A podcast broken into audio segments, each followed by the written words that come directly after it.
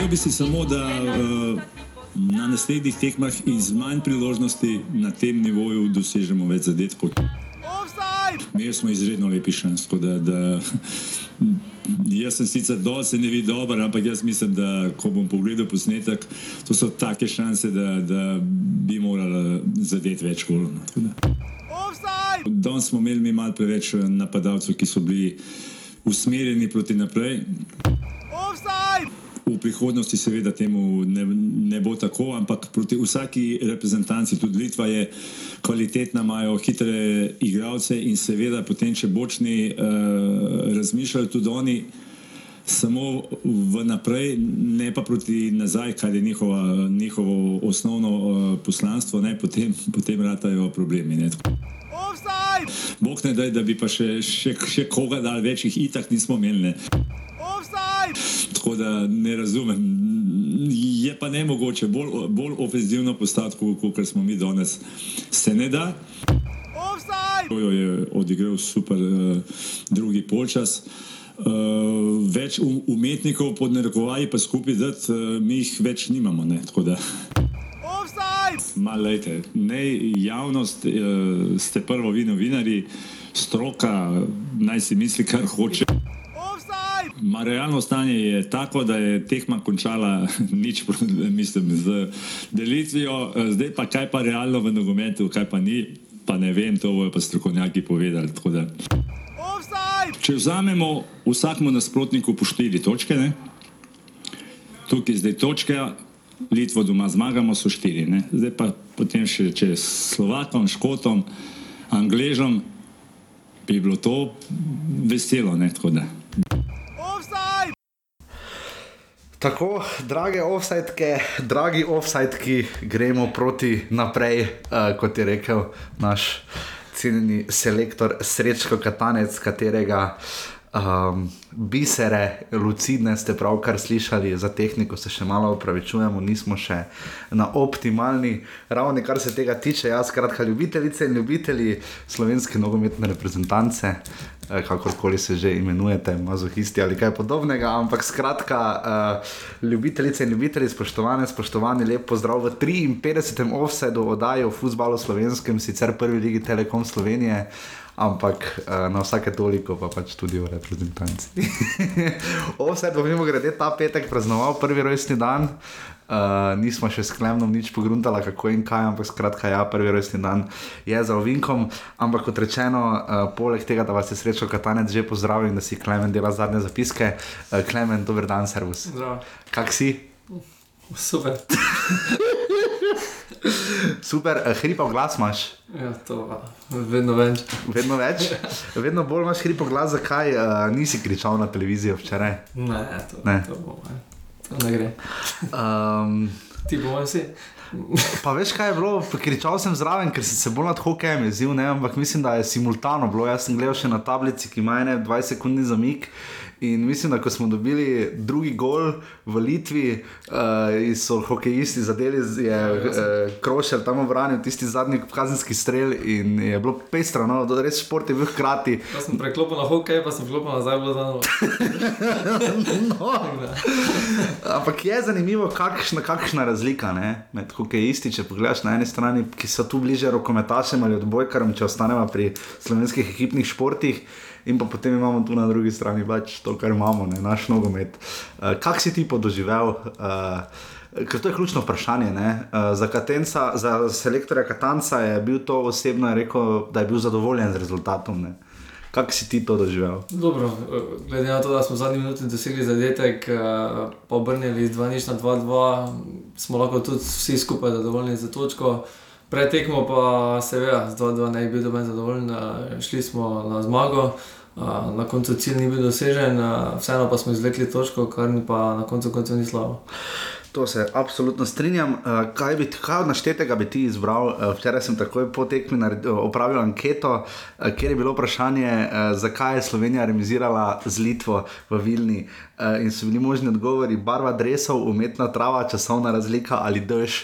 Uh, zanimivo, da največ ljudi je barvo drevesov zbrala.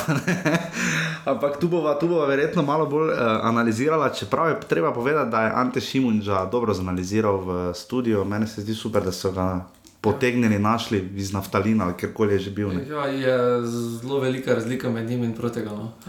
Je, zdaj še samo kar uh, upam, da bo televizija Slovenija menjala, je Branko Zupan, ki nekako ne razume, da ne govori urbano Lorenčiču, ampak še hkrati vsem nam. Ne. Najbolj smešno je bilo na koncu, ko uh, je rekel, če sem ti rekel. Če sem, sem ti rekel. Moramo čakati, da ga. Uh, skratka, slovenska nogometna reprezentanca je v kateri skupini smo mi peti, mislim, da ne, kako se ne vem. No. Začela kvalifikacije za svetovno prvenstvo, uh, naše tretje svetovno prvenstvo, upamo, da se bomo na njega uvrstili. 2018 v Rusiji, uh, Litva, Slovenija, 2 proti 2. Zbralo se je 4114 gledalcev. Ključno vprašanje, ali misliš, da bo na tekmi z Litvo, uh, mislim, še letos igramo z njimi doma, uh, Uh, misliš, da bo na tekmi z Litvo, uh, ali pa drugo leto, no? misliš, da bo na tekmi z Litvo več kot 114 gledalcev v Stožicah? Um, mislim, da se bo to igralo v Ljudskem vrtu. Ne? A ja, no. Te pa sploh. Te pa sploh, ali pa ne vem, če je že določeno. Je določeno. Za, za prvi dve tekmi vem. Glede na to, da se tisti dve tekmi, uh, najbolj pomembni tekmi, igrata, ja, igrata, igrata v. Se je pričakovalo, da se Litva igra v. Okay pa smo spet malo mimo vdarili. Pač reprezentančni premor nas zelo iz ritma vrže, ker smo navajeni na tej točki že govoriti o tekočih dogodkih v slovenskem futbalu. Um, Novakoviča so pripeljali to, kar zdaj slišite. Uh, ne, ok, hec na stran, uh, ni bilo smešno, ko je bilo po 34 minutah, dve proti nič. Slovenska reprezentanca je imela v obrambi precej več težav, pod, malo mene spominjajo igre reprezentance na Maribor. No. Uh, precej, moram reči, bolj recimo kot na Olimpiji ali na Domžale, pač ta uh, nesposobnost dati zadetek in potem ga prejmeš in potem se mučiš in predvsem probleme igra preko bokov. Um, daj vam morda, Klemen, za začetek uh, malo pogled odločitve, ki jih je sprejel srečo Katanec. Uh, odločil se je, kot se je odločil, uh, ni bilo nekih presenečenj v prvi postavi, vse glede na na pričakovano. Uh, kaj ti misliš, kje so tu, če greva od zadaj, ključne stvari? Uh, ključne se zdi, poleg recimo izbire menjavne uh, ali pa ne menjav, ki mi na kampla v tem primeru. Uh, najbolj očitna je. Odločitev za Jokiča na levi in skupica na desni strani. Meni se največji problem pri igralcih zdi, da enostavno niso v formi, tako kot je govoril, da Katanec da so.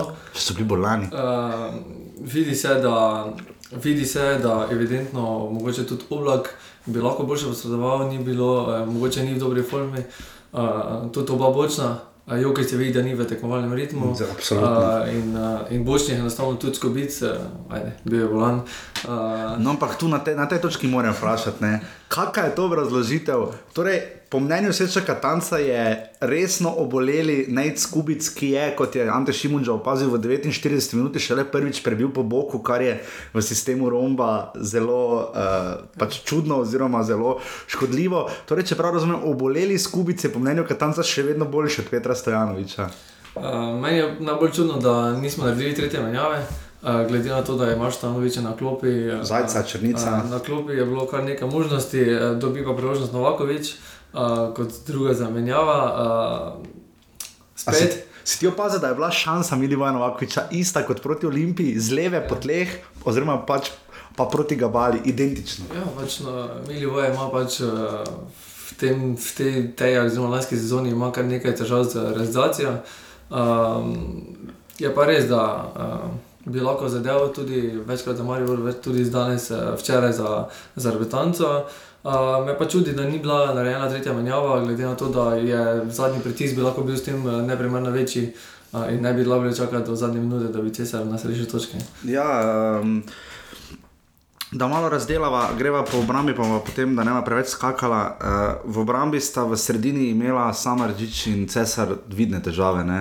Povratne žoge, žoge oblaku so bile take, da je še po mojem Jasmin Handanovič si mislil svoje. Uh, uh, velike težave oblaka z obvladovanjem žoge eh, in pri obeh zadetkih, uh, Črnjiha v 32 in Slivke v 34 minuti. Je oblak ostal predvsej sam, tu moramo ja. biti iskreni. Miral Samržič je pri prvem zadetku, ne vem kje je bil, pri drugem zadetku sta pa je malo manjkalo, pa bi se Jokič in Cesar zaletela in potem je spet Samržič slabo posredoval, ker se ni niti klizno, da bi potem en kot Golmanu zaprl. Ne. Uh, Ti ne vemo, na drugo stran. Ne? Ja, stran ja. mislim, proti, moral bi golmano ja. kratke kot zapret, ne, in, uh, ker tam bi še pač skupaj. Mogoče se samo že vidi, da je enostavno liga čisto drugačna, ker je, ker je odigral prej za neki tajski, če njemu pač to pri formi oziroma pri samem potovanju pač povzročilo neke težave, ne vemo, ampak uh, je čisto drugačna igra kot Iličem v prejšnjih, uh, prejšnjih kvalifikacijah. Uh, torej, pogrešaš Branka Iliča. Ne, ne rečem to, ampak, ampak... Vidi, se, vidi se, da mogoče nista tako igrana. Uh, videl se je pri tistem drugem zadetku, da je Cesar šel, Cesar šel previsoko. Tudi mm -hmm. pri prvem se je videl, da je krhini spadal, mogoče se tu igranost ni na nekem nivoju. Uh, Ja, Luka Krajnc je igral za mlado reprezentanco, ja, Sini Šanžekovič pa ni bil poklican, ki je imel zelo dober start v novo je, sezono. Ne? Ki pa je bil v prvi postavi za Palermo, Struno je pa poklican, ki pa je šel na posloje v Harpi. Ja. Um, zanimive odločitve, ja, ampak. Um, Potem pa še Dominik Maruh, ni statusa, ja. ni banike. Ja. uh, ok, to je kar se obrambe tiče, ker oba zadetka, ne vem, jaz pač jaz se strinjam, da bi lahko oblak boljše posredoval, ampak oblak, glede na to, na kaj je on navajen imeti pred sabo v obrambi v Atletico Madridu. Ne? Ki več kot gola na tekmo, praviloma ne dobi. Ne. Uh, on je tam dosti bolj usklajen z potezanjem branilcev, tu se pa vidi, da ga je sam Aržič dvakrat vrgel iz ritma pošteno. Um, mogoče tudi problem pri, pri bočnih. Uh, meni se zdi, da um, je bilo premalo vtekanja, vključevanja predložkov. Uh, glede na to, da, pa, da smo igrali na koncu, koncu tudi z Novakovičem, premalo predložkov, uh mhm. -huh. odigrali smo preveč, uh, po eni strani smo preveč komplicirali. Smo pa dali dva gola z glavo. Ne? Zanimivo. Ja? Uh. Sva, če pridemo na sredino, na sredini smo videli, da uh, jaz si nekako razlagam, da se Kevin Campbell in srečo Katanec, njuna filozofija ne bo nikoli poklopila. Ne? Ker ideja sreča Katanca je, da Campbell pribori žogo in jo potem brcne naprej, ker bo nekdo dal gol. Ne? Tako je bila vse prva era, ko je Zlatko Zahovič igral za reprezentanco. Kampel pa je tudi tisti, ki sam že opelje naprej. Ne? In uh, verjamemo, da, verjamemo, oziroma slutimo, da razumemo, kaj je srečo Katanec želel povedati, ko je pojasnil. Da smo imeli danes preveč, usmerjenih, preveč usmerjenih napadalcev, ki so igrali proti naprej, s čimer je verjetno želel povedati, da je pač bila gužva, spreda, ker je bila. Ja, ja.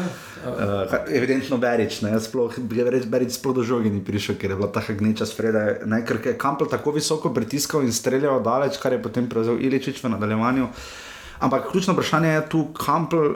Delno tudi krhin, kampel krhin ne, in katančeva filozofija. Kako si ti videl ta romp, oziroma idejo na sredini? Ja, ni bil problem, da igramo v rombu, problem je, ker ni bilo na koncu zadnje tretjine neke ideje posebej smo imeli, posebej je bilo 36, 64, pa 590 ja, podaj.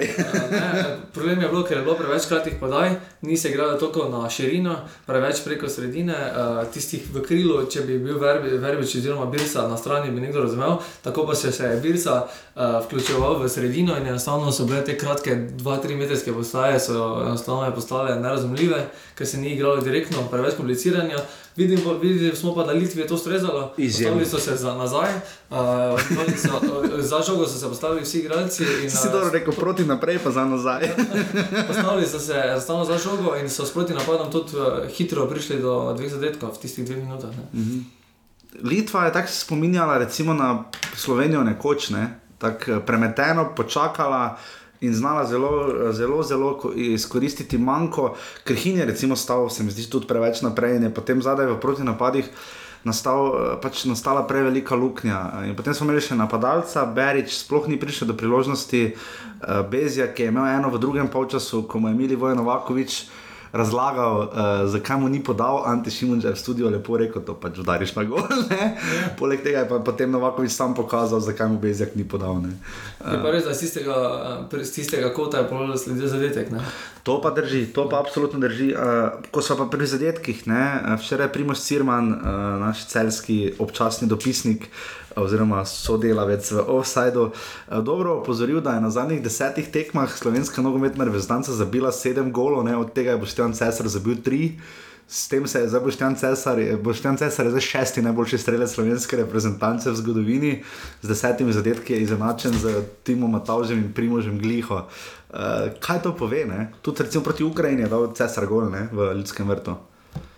Um, ne vem, kaj to pove. Pove, da enostavno napadalci uh, ali ne pridejo z raza ali pa nimamo prave.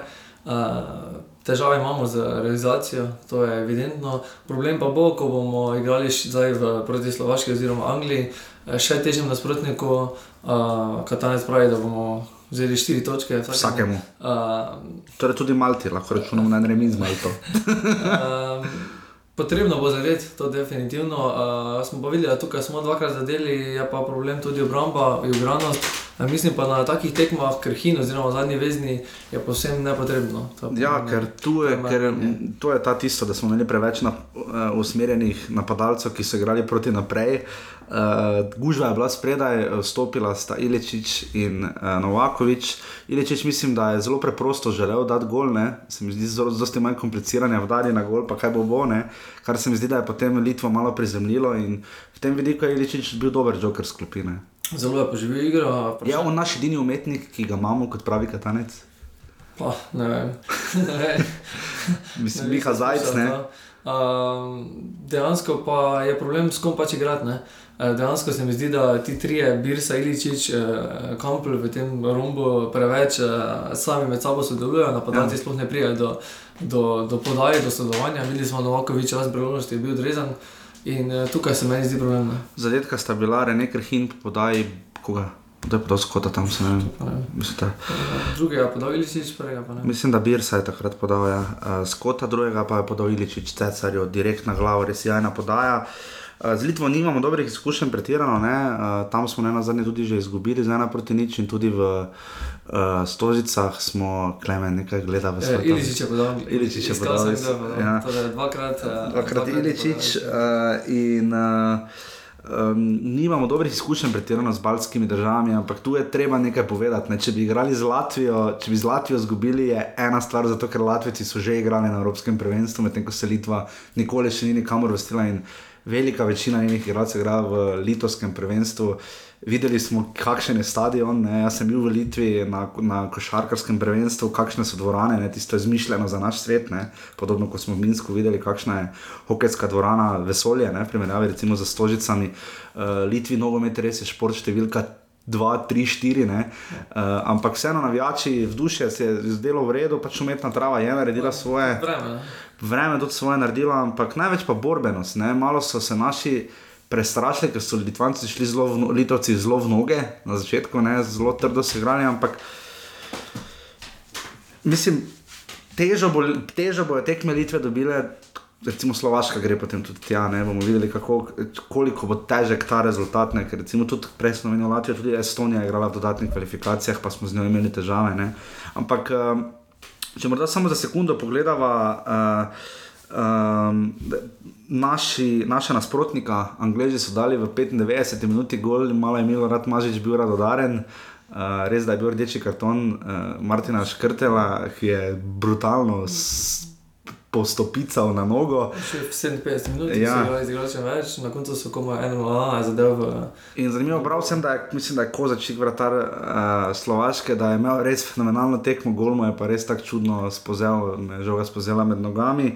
Uh, Malta, Škotska je bilo polčasno ena proti ena, potem so se pa Škoti znesli konkretno nad Malto. In kaj, kaj misliš, kaj to pomeni za našo skupino? Zdaj, Mi, mi smo zdaj v tem trenutku proti Angležem in Slovakom odvisni res samo od sebe. Mislim, da smo non-stop sami od sebe odvisni, ampak v tem trenutku Slovaška in Anglija, tak, bom te tako tak nastavil. Misliš, da je dobro, da se je Slovenija rešila tu resne, pa ne bom rekel sramote, ampak pač resnega spodrsljaja za sreča Katanca. Da bomo, kaj, čeprav razumem, boljše, zakaj bi se blamirali doma, če se v Vilni, če se lahko doma. Pro, problem bi bil, če bi zdaj, uh, zdaj ne bi usvojili dobene točke, prišli bi dve težki tekmi doma in uh, še tam uh, dvakrat izgubili. Problem bi bil, če bi v teh tekmah imeli, uh, imeli nič točk. In, uh, in vseeno je za, za neko mirnost v hiši, je vseeno, vsaj točka v zadnji minuti je uspešna. Kaj je rekel, da njemu ustreza, da imamo manj priložnosti, manj priložnosti in da imamo več golov. Torej, podrejena vloga mu bo bolj ustrezala proti možno, Slovakom in sploh s Angležem. Ne? Možno tudi proti Švicarom, smo videli, da nam je to ustrezalo. Uh -huh. uh, Švedom. Ja. Švicarjem. Ja, Švicarjem, ko smo igrali. A ja, ko smo igrali, ko smo zmagali. Ja, ja, pardon, pardon, ja. se pravičujem. Ja. Um, Tako da možno, da tudi, eh, je pa vprašanje, koliko gledalcev se bo zbralo, eh, kakšno bo vzdušje, atmosfera, eh, koliko bo angležev, koliko bo slovencev, sploh na stadionu. In, za Slovake gremo 8. oktober, za angleže 3 dni kasneje, stopnice so po 40 evrov, kar se zdaj zdi brutalno visoko. Ne?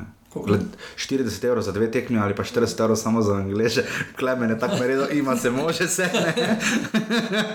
Ampak uh, ne, uh, ko si govoril o vzdušju, uh, tu se pač, to so sicer moji repenčani kotički, ne?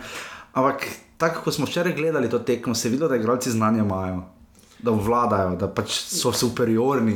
Definitivno, če bi primerjali ekipe Litve in Slovenije, uh, ena serica med, med sabo, oziroma igralce posamezne pozicije, uh, definitivno bi bila kakovost na strani Slovenije. Ker recimo hokej je tudi bil 2 proti 2, ampak tam je bilo evidentno, da smo tu nekje za Belorusi, če ne celo podrejeni. Uh, tu pa je, ker se mi zdi, da vse tisto, kar je naloga selektorja, povezati igralce, dati idejo in narediti vzdušje, tam smo šlo. Tudi izjava Boštjana Cesarja po tekmi je bila bolj pozitivna, spet ne, se zdi tu kapetanska, ampak tako ne vprašaj, zakaj katanec se uniči. To, eh, ravno to je eh, največja umetnost nogometa. Eh, postavite 10 v 1, eh, 10 v polju, en vratar.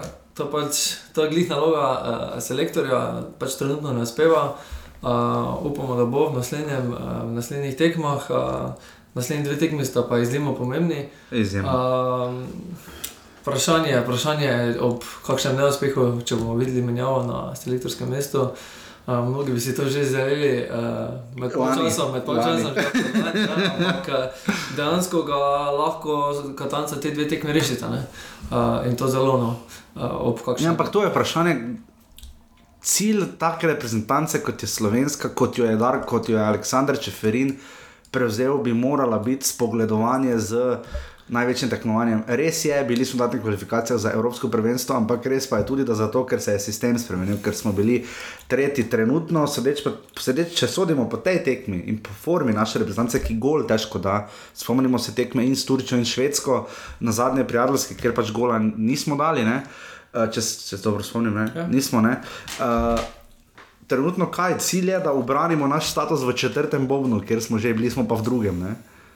Um, dejansko je zdaj pač, eh, glede na lesico, oziroma tekmece, uvrstitev na svetovno prvenstvo, oziroma svetovno prvenstvo, zelo težko.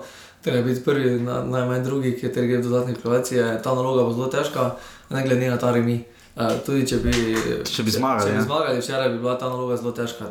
Da... Verjetno si je pa najbolj od vseh oddahnil, da ni imel danes pokvarjenega dne Aleksandr Čeferin, ker če bi včeraj izgubili, bi pa. V primeru, da se bi, to je za hipotet, hipotet, hipotetično bluzanje, ampak pa kaučanje, ampak če bi se Čeferin odločil, da ne vem, jaz mislim, da trenutno, glede na to, da ima prioriteto naslednjo sredo, 14. septembra, je žreb. Uh, v Atižreb, uh, v volitev, so volitve v Atenah uh, in mislim, da bi mu to kar pokvarilo na črte. Je pa res, da kje je zdaj predsednik, ne toliko mu je do nogometa, zdaj pa ne slišimo nič. Zbira glasove. Ja, Litve še nima, pa Latvije, mislim, da Estonijo ima. Uh, dobil je Nemčijo in Francijo, kar pomeni, uh, da ima zdaj pa že 22, 22 glasov zagotovljenih na papirju, ustni dogovor. Vprašanje, ja. Potrebuje jih 28, kar pomeni, da je blizu, ampak hkrati daleč. Ne? Plus mora vsake toliko preveriti, če Rusi, Francozi, Nemci še bojo res zadovoljili. Um, ker kaj, tu, kaj ti misliš tu? Mislim, to je situacija, v kateri je znance res kočljiva. Ne? Jaz sem pa celo napisal, da tako radi gremo na tekme, pa govorimo, pa spremljamo prvo ligo, ne pol prije, pa ta Ferdinand, reprezentanca, pa ti vse dol pade. Ne? Ja, pač vzdušje je pač drugačno kot v prejšnjih, prejšnjih kvalifikacijah, sploh po tistem svetovnem prvenstvu Keka. Se pač krivulja malo pada, tako se je rekel, bili smo v drugem bobnu, uvrstitve padajo, rezultati padajo in pač. Uh, jaz mislim, da ta skupina igralcev ima prihodnost, uh, pač treba jih povezati v neko skupino, da bo ponovno začeli zmagovati, oziroma prikazati boljše igre. Najbrž bi se pa glede na prikazano, sicer odštejemo, da je Nik Zupančič, seveda pa pred njim Matjaš Kopitar, da sta slovenca. Primer uh, Vujoviča in Andreja Džanja kažeta, da tuji selektor ni, sploh pa pri nogometu, ne? ker katanec je edini tu, ne? vsi pridejo drugot, on hodi tu na tekme, v tujino, kaj dosti več ne hodi. Uh, in se mi zdi, da je to ravno problem, da ne ujame tega, da je katanec izgubil malo občutek za sodobni evropski nogomet. Strinjal bi se celo z Brankom Zupanom, ne? to boš ti bolj vedel. Uh, ali pa ocenil. No. Uh, Branko Zuban je povedal, da smo tu zaostajali v pripravah, v tehnologiji, v konceptu priprav tekem, ne, da je tu nas pa voza časne. Kaj bi ti rekel, da pač ne uporabljamo sodobnih tehnologij, da se ne poslužujemo sodobnih tehnik, več konceptov pripravne? Mislim, da je imela predstavnica za to tekmo dovolj priprave. Uh, glede na to, da imamo mi edini eno tekmo, ostali še imajo ja, druge. druge tekme, tako da so bile priprave, bi lahko rekli, normalne, dovolj časa. Je pa na strokovnem štabu, da oceni, kakšne tehnologije in sodobnosti so potrebne. Za... Kako misliš, da funkcionira navezan srečo katanec ali še jih? Zdaj se je priključil še, še Tomaš Kavčič, uh mhm. -huh. ki je ogromno teh igralcev, kateri so iz mlade reprezentante prišli v člansko, je ogromno do skozi. Uh, mislim, da on lahko zelo pripomore uh, ekipi. Uh, Saj je bil ogromno povezan z vsemi mm. igralci in jih pozna do natankosti, tako da uh, lahko pričakujemo, mogoče v nekem obdobju, da se bo nekaj izboljšalo. Um, je pa vprašanje, kaj ti sta dva skrivna delata z, z pozitivno energijo. Tiste nam bolj jasno. Tisto je ja, ekotočke in bio, bio zadeve in to magija, mogoče sta iluzionista, kaj vemo, gledaj, mogoče sta prosto zidarja. Ne vem, gledaj, to je pač malo morje ogiban, kar se dogaja okrog te reprezentance, ampak preden gremo na malo reprezentance in sklenemo ta uh, sklop. Um, PR zveze je slab, ne? nastopi sreča Katanca so negativni že pretekmo. Uh, mislim, da ni prav, da ne pove, da so igralci bolni in jih potem uporabi. Ne? Ker s tem daje vedeti, reče, da razni Jojo Teličiča nimamo več umetnikov. Koga naj še dam not, zakaj bi uporabil tretjo menjavo? Je pa človek božji na klopi si imel še za eno enesterico igralcev, od tega so igralci, ki so nekaj pokazali in obetajo. Ne? Uh, PR zveze je tu, mislim, kako ti na to gledaš, na te nastope, katanca pa na to slabo vzdušje, ti si pač od mene malo mlajši. Kako kak si ti, recimo, iz širše perspektive, če vzameš recimo po keku dogajanje, če gledaš, dokot smo prišli. Ne? Ker ko je Katanec prišel potem na mesto Slaviša Stojanoviča, pa so bili uspehi, pa je padla Švica, ne? kot si omenil. Kdaj je šlo po tvoje tako narobe? Zakaj Katancu tako ne gre, zakaj človek tako živčen? Pa dobro, no, ti nastopi so ali niso za vsakega, uh, to je pač odvisno od osebe, trenerja, selektora. Uh, vidimo tudi podobno v Mariboru. Uh, nekateri se pač ogromno se jih ne strinja za nastopi, uh, z neko šablono odgovorov. Uh, tukaj pač selektor je zelo odkrit. Odkrit pa je. Ja. Odkrit je, pove po svoje, kaj mu prvo pade na glavo. Uh, ampak mislim, da je to napaka. Uh, malo priprave, oziroma nekaj pomoči pri konferencah, oziroma intervjujih bi mu pa bi mu pa nogometna zveza lahko dala. Ja, sploh govorijo o novinarjih, da mi novinarji prvi delamo javno mnenje. Ja, gospodje, na NZS težko delamo mnenje, če recimo vaši predstavniki, če vaš predstavnik, tiskovni predstavnik za stike z javnostjo nam ne da kontakta, za, nam ne, ne ponudi nobenega sogovornika za prvo ligo, kaj šele za, no, za karkoli za pristance povezano že mi, mene čudi včasih, da oni nam ne pridejo, nama ne pridejo, včasih nasproti pa ponudijo, razumeš, pa rečejo, pridite, bomo to naredili z veseljem, ne, v dobrobit nogometa in boljše volje vseh, ker uh, res da sklenemo, jaz sem malo občutek, da če pa noče za biti negativen, ampak če še zavozimo tekmi Slovaško in Anglijo, zakaj bi pomenjali selektore, zdaj tako je, kaj je. ker zelo verjetno je tudi, da bomo imeli eno točko po teh treh tekmah. Ne? Možno je, ampak pač to smo že tako rekel, že prej smo vedeli, da je zelo težko se uvrstiti na svetovno prvenstvo. Uh, ne glede na to, da je bilo ogromno ekip zdaj na Evropskem prvenstvu, je se to prvenstvo ostalo enako, uh, da so šli samo en direktno, drugi dodatni kvalifikacije. Tako da v tej skupini z Slovaško, uh, Anglijo, Škotsko in smo bili tudi z Litvo, imamo probleme, mm -hmm. bo zelo težko. No? Se absolutno strinjam. Uh, To je to, vodijo zdaj v naši skupini Škoti, seveda zaradi gore razlike, uh, drugi so potem uh, Angleži, uh, potem smo mi Litva, potem so Slo Slovaki in pa zadnja, a ja, tu zdaj ne morem pogledati. Um, ta teden so tekme še v naši skupini, ja. uh, če prav vem, uh, samo da pogledam. Veš ti mogoče na pamet, samo da najdeš to. Mi imamo tekmo za Slovaško 8. in 11. z Anglijo. Uh, dva reprezentančna, torej mislim, da so potem še en, en reprezentančni premor Uh -huh. Letos. ja. Uh, U21 pa ima 7.10. proti Litvi, uh, ter doma proti Srbiji, oziroma mislim, da gostih proti Srbiji. Ne? Ja, um, ja, to pa je mlada reprezentanca. ne. 11.10., ne. Mlada reprezentanca, ja, pa čaka. Mlada reprezentanca je igrala na Irskem, uh, pardon, da se je še malo zgubil, nekaj iskal na internetih. Uh, mlada reprezentanca je igrala v petek in uh, kar presenetljivo iz- izgubila uh, na Irskem. Res da Irska je v skupini četrta in čist na koncu dobila uh, dva zadetka. Uh, ni se veliko dogajalo na tekmi, potem ko smo lahko prebrali golo, vsaj jaz nisem videl, ti verjetno tudi ne. Uh, Slovenija je igrala v postavi Sorčan, Šme, Kavčič, Krajnc, Črnigoj, Bajrič, Pihler, Krefl, Hotič, Štulac, Bajde.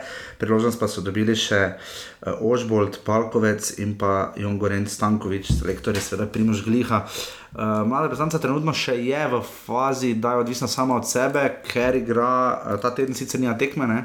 ostali jo imajo. Ima še samo dve tekmi. Uh, Slovenija ima samo še dve Srbija še ima tekmi. tri. Ob- Srbija ima tri, ne? res pa je, da če Slovenija v Srbijo premaga, uh, glede na to, da ima trenutno točko prednosti, ne? uh, v zadnjem krogu bi pa lahko šla naprej, ne? če prav razumem. Uh, ja, Slovenija ima zdaj 15 točk. Uh, če premaga Litvo, uh, še jim sledi samo tekma za Srbijo. Uh, to pomeni, da je Italija že enostavno prva Ja. uh, na lestvici, borila, borila se bo še samo Srbija in Slovenija.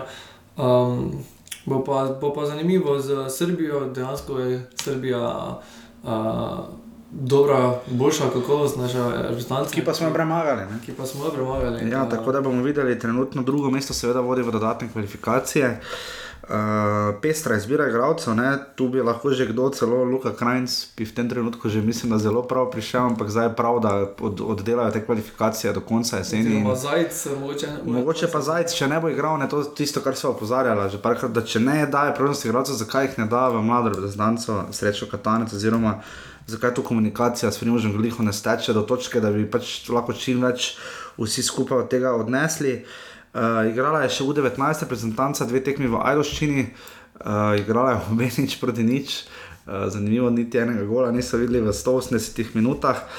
Um, tako da to je to, kar se tiče uh, mlade reprezentance, zdaj na tej točki, uh, ker je to še planirano, nimamo še posneto, bi morali vi uh, zdaj slišati intervju z mladim oziroma kadetskim reprezentantom, ki uh, je te dni zelo opozoril na se, fantom, ki ima pred sabo zelo lepo prihodnost, ne na zadnje ga čaka obračun z Liverpoolom v uh, ligaškem, angliškem ligaškem pokalu. Uh, tako da uh, brez nadaljnega zadrževanja, ki je že without further ado, uh, je tu, dame in gospodje, čisto za res, Timi Max Elšnik.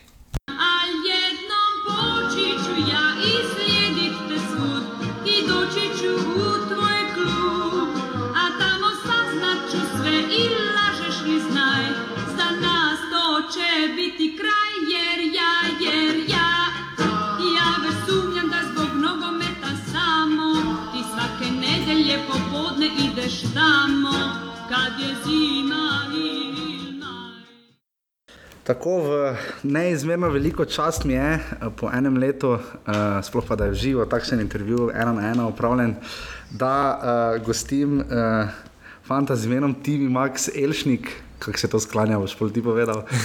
Tako je bilo čisto pravilno. Uh, fanta, ki je um, najbolj nas navdušil nedavno, ko je uh, drugi penal, ne, dva penala spravil uh, v uh, vrata za, uh, kaj je to, tretji krok. Mislim, da bi tretji, ko Tre, rečete. ja. zdaj četrti krok angliškega ligaškega pokala, kjer se bo njegov klub Derby County uh, pomeril z slovitim Liverpoolom. Uh, kjer bo imel uh, Jurgen Klopp to čas, da bo spoznal Timija Maxa Elešnika. Uh, tako da Timi, uh, sva tukaj na drugi gimnaziji Maribor, v Mariboru, ti si uh, ta teden, uh, danes je ponedeljek, ko to snemava, imeli ste reprezentančno akcijo U19, zdaj pa si še tri dni na dopustu, najprej zdravo, servus. Zdravo, lepo zdrav.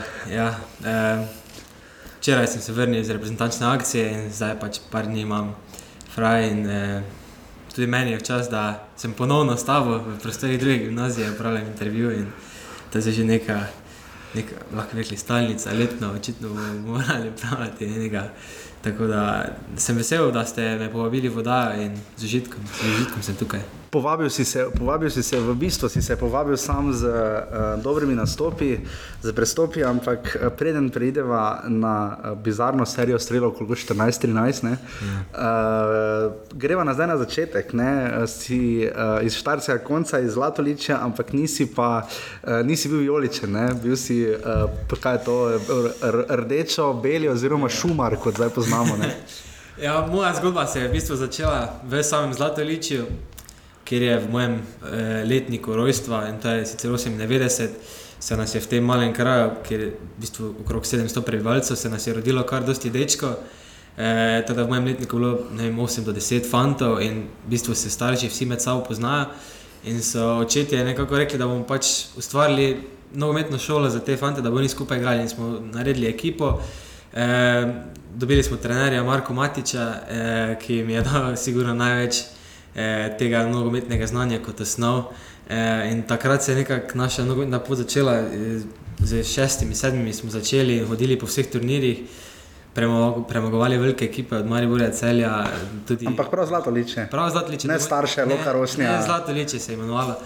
E, potem pa, ne vem, okrog 9 do 10 sem bil star, smo pač se odločili za korak naprej in e, Aluminij je bil najbližji, večji klub, Bil sem tudi na probi pri Mariboru, e, moram reči, dober teden sem treniral z njimi. Kako izgleda proba? Pač, da si deset let star, v bistvu sem bil povabljen od enega od trenerjev, e, Vijoličasti, in sem šel e, na Maribor in tam treniral vsak dan z njimi e, na mali umetni travi, z bandami. E, ne vem, ni me nekako pritegnilo najbolj. No tak, pri tistih letih, takrat, če v bistvu niti ne veš, kako se bo nogometna pot razvila. Pa mislim, da je tudi bilo za starše nekoliko lažje do aluminija, krajša je pot. Uh -huh. Pa moja mama sama je nekoč živela v Kidriče, tako da je, smo poznali trenerje, ostale starše in otroke, ki so trenirali tam. In smo se pač odločili, da bom, da bom tam nadaljeval, pa aluminij je nekako slovel po dobri nogometni šoli in pogojih, ki jih še danes imajo. Ne.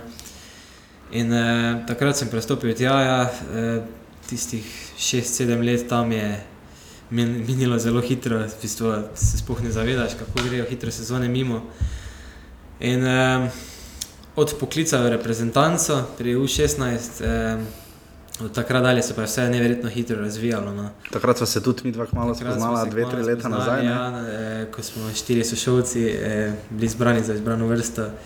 Uh, zdaj, ja, pač, če gledam nazaj, so sigurno bili izjemni in lepi spomini pri aluminiju, um, ampak zdaj se moja profesionalna pot nadaljuje v Angliji. Tudi to se je nekako vse hitro odvilo um, in moram reči, da zaenkrat uspešno, uspešno se odvija, sem zelo zadovoljen in um, z veseljem pričakujem še prihodnje sezone pri Derbiju, eh, pred kratkim podaljšal pogodbo, tako da bom še vsaj tri leta član. Eh, njihovega kluba, eh, ki pa je, kot moram reči, je eh, zelo odprt in eh, nekako kot družina. Kot družina so vsi tam, eh, vsi zaposleni, od kuharjev do čistilcev. Nekako imamo vse prostore skupaj, tudi za prvo ekipo, kar mislim, da je redko, sploh v Angliji. To sem poslušal zadnjič Jozefa Hitzelspergerja, ki je rekel, da recimo, ko je on bil v 90-ih pri Bayernu, ja. ne, je bilo to popolnoma popolnoma čudno. Potem je prišel recimo v Aston Villa in je videl, da tam ješ, dejansko ja, ja. bivaš za člani prve ekipe. Tak, je... ja. e, zdaj, ko hodim na gostovanje po Angliji, vidim, da nekateri klubi še imajo vedno ta sistem, da je trening center članov popolnoma odmaknjen od same akademije. Pri nas je, vsaj meni na srečo, to vse skupaj, slčilnice, tuši, jedilnica, e, vse skupaj. Tako da že od prvega dne, ko sem prišel v derbi, ti vsakodnevno si v stiku z člani in pač članskim osebjem, trenerjem na hodniku in se res nekako vsi pozdravljamo. Tako da tudi, ko potem prvič prideš na trening z njimi, nisi nek neznanec za njih, ne oni vejo, da ta oni fanti smo že večkrat bili. Kje so te našli, ne vendar aluminij, pa ja. slovenska. Kaj je kadetska reprezentanca, kako te tu najdejo? V bistvu moja zgodba, kak, kako je bila. Eh, takrat, ko sem začel za reprezentanco igrati, se je vse začelo hitro odvijati, so tu agenti, menedžerji, ki se začnejo okrog tebe sukati, v bistvu vsak bi rad prišel do Pa tebe. pridejo do tebe, do tvojega očeta, do Zdaj, kluba. različni, različni, različni načini so. Sploh zdaj še v Angliji, ko se mi je nekako odprlo, tam dobivam toliko sporočil od angliških menedžerjev, da niti nimam časa vseh brati. ne vem, Eni direktno preko Instagrama, Twitterja. Ker tako, v privat sporočilo. veš. Okay.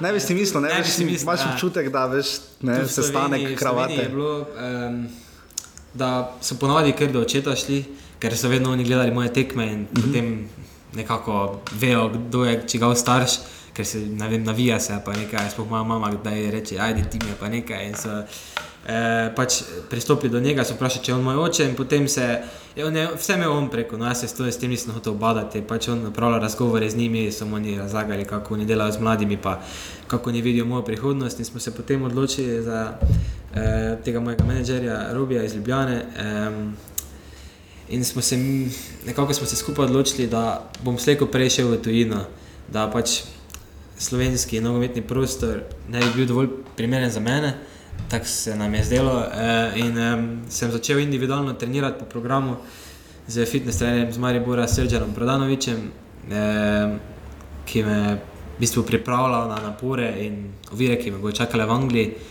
In moram reči, da je to pravi fenomenalno. Um, mi smo tudi nekako vedeli, da v tujini ne bom jaz igral z vrstniki, da bom probal biti z starejšimi, ker tako se največ naučiš. Sem tu je Anglija, verjetno najbolj brutalna država. Ja, res je Anglija, je, ker glede tega je. je Tam so res dedi, po domače Ja, so, povedano. so dedi, ja. pa, pa niti ne bi jaz rekel, da je to toliko od igralcev, odvisno to je bolj, bolj sodniški kriterij, uh -huh. dopušča toliko bolj grobo igro, ne, glede kartona in vsega. Kar je Maribor letos recimo proti Aberdinu na prvi tekmi. Ja, na primer, E, Tada me on nekako pripravil fizično za, pač za, za višji nivo. Um, in potem sem imel jaz par ponudb iz tujine. V bistvu smo se prvo vsedli, ki bi sploh jaz rad nadaljeval mojo nogometno pot, kje, kjera država mi je najbolj blizu. In sem, ne vem, nekako sem si od nekdaj že želel igrati v Angliji, ki je pač neka mati nogometa, kako bi rekli. Ampak si tu, vem, ampak si gledal tu kakorkoli, da nekih velikih izkušenj, če zdaj, recimo, ne vem, domžale so letos prvič le, kakšen klub da je premagal, kakšnega ja, ja. prvoligaša angliškega. Slovenska zbrana vrsta je igrala, kaj tri tekme z Anglijo, tri izgubila. Ne. Nimamo pretirano dobrih izkušenj, vedno Aleš Križan je šel v 90-ih, pa potem Mila Čimovič so probavali, nekako se zdi, da. Ne, tudi Haris Vučkiš pri Newcastlu. Ja, Ja, Kako si tu, je bilo tukaj strah, ne? ker Slovenija in Ang Anglija so sanje, pa kompatibilni nismo preveč. To je, to je res, um, Slovenija pa Anglija, ja, glede nogometa je bilo nekako tako, ampak na to se v bistvu ni- niti ne bi spomnil, zdaj ko si ti omenil, zdaj malo pošli, ampak takrat v tistem trenutku eh, sem gledal jaz samo individualno, uh, nisem jaz mislil, kako je drugim, njihova zgodba bila v Angliji. in To, um, Anglija mi je pač bila najbolj blizu že zaradi jezika in um, nasploh nogomet tam je ne samo prva liga, če greš ti gledati druga, tretja, četrta liga, je to vseeno so to nogometno visoko obiskane lige in tudi finančno močne, eh, medtem ko v drugih državah prva liga, pa še to mogoče pri Pa že deset tam klubov, pada, ne, ja. pol pa se hitro pade. Ne. E, in, ne vem, nekako smo izbrali Anglijo, potem druga opcija bi, bi, bila, bi bila mogoče Nemčija, ki, je, ki nekako sledi zdaj Angliji, uh -huh. e, glede gledanosti in tudi vsega tega, je nekako tudi nogometni narod zelo. Ampak eh, prva opcija je bila, bila Anglija in sem odšel sem na turnir v Rusijo z 97-letniki, z reprezentanco, z eno leto starejšimi. Tam sem, eh, glede na to, da sem bil prvič z starejšimi, sem res dobro odigral. Um, in mislim, da so me takrat tudi tam spremljali ne- nekateri klubi, ker so bile tekme po, na YouTubu po prenosu v živo. Uh -huh. In po tistem sem dobil par ponudb, da lahko grem na probo v klube. Uh, Jaz sem tudi Celtic, ki je pred kratkim bil tukaj. Uh, in uh, par prvo ligašev, Everton, Stoke, uh, mislim, ne, vem, še nekaj, točno se ne spomnim. Uh Mhm, -huh, in kar glavnem Derby County. In Derby County je bil edini drugi ligaš. Ne? Uh -huh. In, uh, Ampak z relativno slovito zgodovino. ja, ne. z- z slovito zgodovino. Ja. Ampak bodi iskrena, koliko si vedel o Derby Countyju? Takrat poznal sem ga, ni bil to nek tuj klub, zato ker so bili par let nazaj tudi v Premier League, mislim, da od 2007. Si igral, da je football manager ali pa Ja, FIFA? ali pa no? to, takrat malo bili Okej, okay, znani. Uh, vedel sem, da ima tega ovna, grb, grb sem prepoznal, glavnem. Uh, nisem pa vedel, skod so. Uh, Nisi vedel, da je Brian Clough bil tam trener. to nisem to sem vse kasneje mo moral izvedeti. Uh, Dobro, za Brajana Klofa moraš vedeti. Za to, če si tam, moraš reči, ja, absolutno. Ja. E, in pa za tudi Igor Štimac, Tudi. bivši reprezentant, uh -huh. legenda kluba. To sem vse potem eh, nadoknadil z zgodovinskim znanjem kluba. Ampak Ryan Derby je bil edini drugi ligaš. E, ta moj agent mi je svetoval, da gremo prvo tja, e, saj on, on je dobil pač informacije, kako oni delajo z mladimi in se mu je kljub sam dopadel. E, mene prvo, kot vsakega 16-letnega fanta, nekako to ni najbolj navdušno, ne? ker vseeno, če ti slišiš Everton ali pa Stoke City, bilo kaj prvo ligaškega, te to vseeno bolj potegne. Ne? In tu mislim, da bi lahko marsikateri fan tudi naredil napako. Zdaj, ko sem že leto pa pol tam, pa vidim, kako stvari potekajo. Jaz, eh, iskreno povedano, sem skoraj najbolj srečen, kaj je možno, da sem izbral Derby County preko katerega drugega kluba. Eh, In potem prideš tja, kaj se, kaj se ni izkazalo za tisto, kar si pričakoval. Kaj si Vse mislil? se ni izkazalo, ne, ker sem vseeno jaz pričakoval drugi ligaški klub, pa sem pač jaz delal preveliko razliko med prvo in drugo ligo. Ne, in ko sem enkrat tja prišel eh, in videl trening center in vse, to bilo wow, ono res. Pa še nekaj, on je dal res velik poudarek na U21 ligi ja, mladih. Ne? ja, ko sem tam prišel prvič, ja, s- prva, prvi dan, jaz sem že, ne vem, to je drug svet, no jaz sem takoj vedel, da to je to. to Več od tega v bistvu si niti ne znam predstavljati, kaj bi še lahko imel. Imamo po, pogoji so ne, neizmerni, mislim, ne vem, 10 do 15 igrišč, eh, notranje dvorana umetna pokrita, fitnesi, Idani. eh, telovadnice, veliki bazeni, džakuzi, vse imamo v samem centru zdaj, zdravniške službe, takšne, da vse imaš glavno na voljo, kaj potrebuješ. Ne? In, eh, Tudi šolanje, vem, da so zelo pozorni. Ne? Ja, tudi šola, šola je eh, nujna, v bistvu ni to tako kot kakšna italijanska liga, kjer imam par prijateljev, ki so trenutno tam in vse preko kluba nekako zbledi in uh -huh. se pozabi. Tam eh, imajo strogo iz same nogometne angleške zveze. Eh, strogi nadzor in tudi same FIFE morajo redno delati poročila, kako daleč smo za šolo. Da, Pa imajo, recimo- si 18 let. Ne. Mhm, Imajo ameriški sistem, kjer je no pass, no play, ne? ker če recimo pač imaš šus matematiko, ne ja. moreš igrati tekme. Je tako rigorozno? Ali... Ne, mislim, da ni, ker eh, nimajo tam nekih sprotnih ocen, tam so samo na koncu leta zaključili izpiti. Ne? E, to je tako bolj proti koncu, proti koncu sezone. Tako Da, e, naprimer, U18, oni vsako sredo grejo na količ in sploh ne trenirajo, se cel dan tam, fraj dan, ampak se posvetijo šoli. In ima ne vem, 8 ali pa pač koliko ur so tam, nikoli nisem mm -hmm. šel z njimi, zato ker sem nadaljeval drugi gimnazij tukaj. E, smo se stavili tukaj, e, plan dela, urnik in vse predmete, kako bom jih upravljal, poslali to na klub, eh, ker imajo oni prav zaposlene ljudi za to in so oni to vse pregledali, se z mano pogovorili, nekako so meni tudi zaupali, da bom jaz to delal. E, in ja, na koncu se je vse super, je šlo z mojo šolo, tretji letnik, zdaj že samo četrti. In, eh, Maturo boš šel delati? Ja, en slejko prej bo moj, no. starši, starši me ne bi pustili, pa tudi sam sem tak, da me mika, da to dokončam, pa sem potem za srednjo šolo zaključil, potem študij, pa nikoli ne veš, kak- kakšna bo življenjska pot dalje, če bo to čez dve, tri leta ali pa tudi po končani karieri.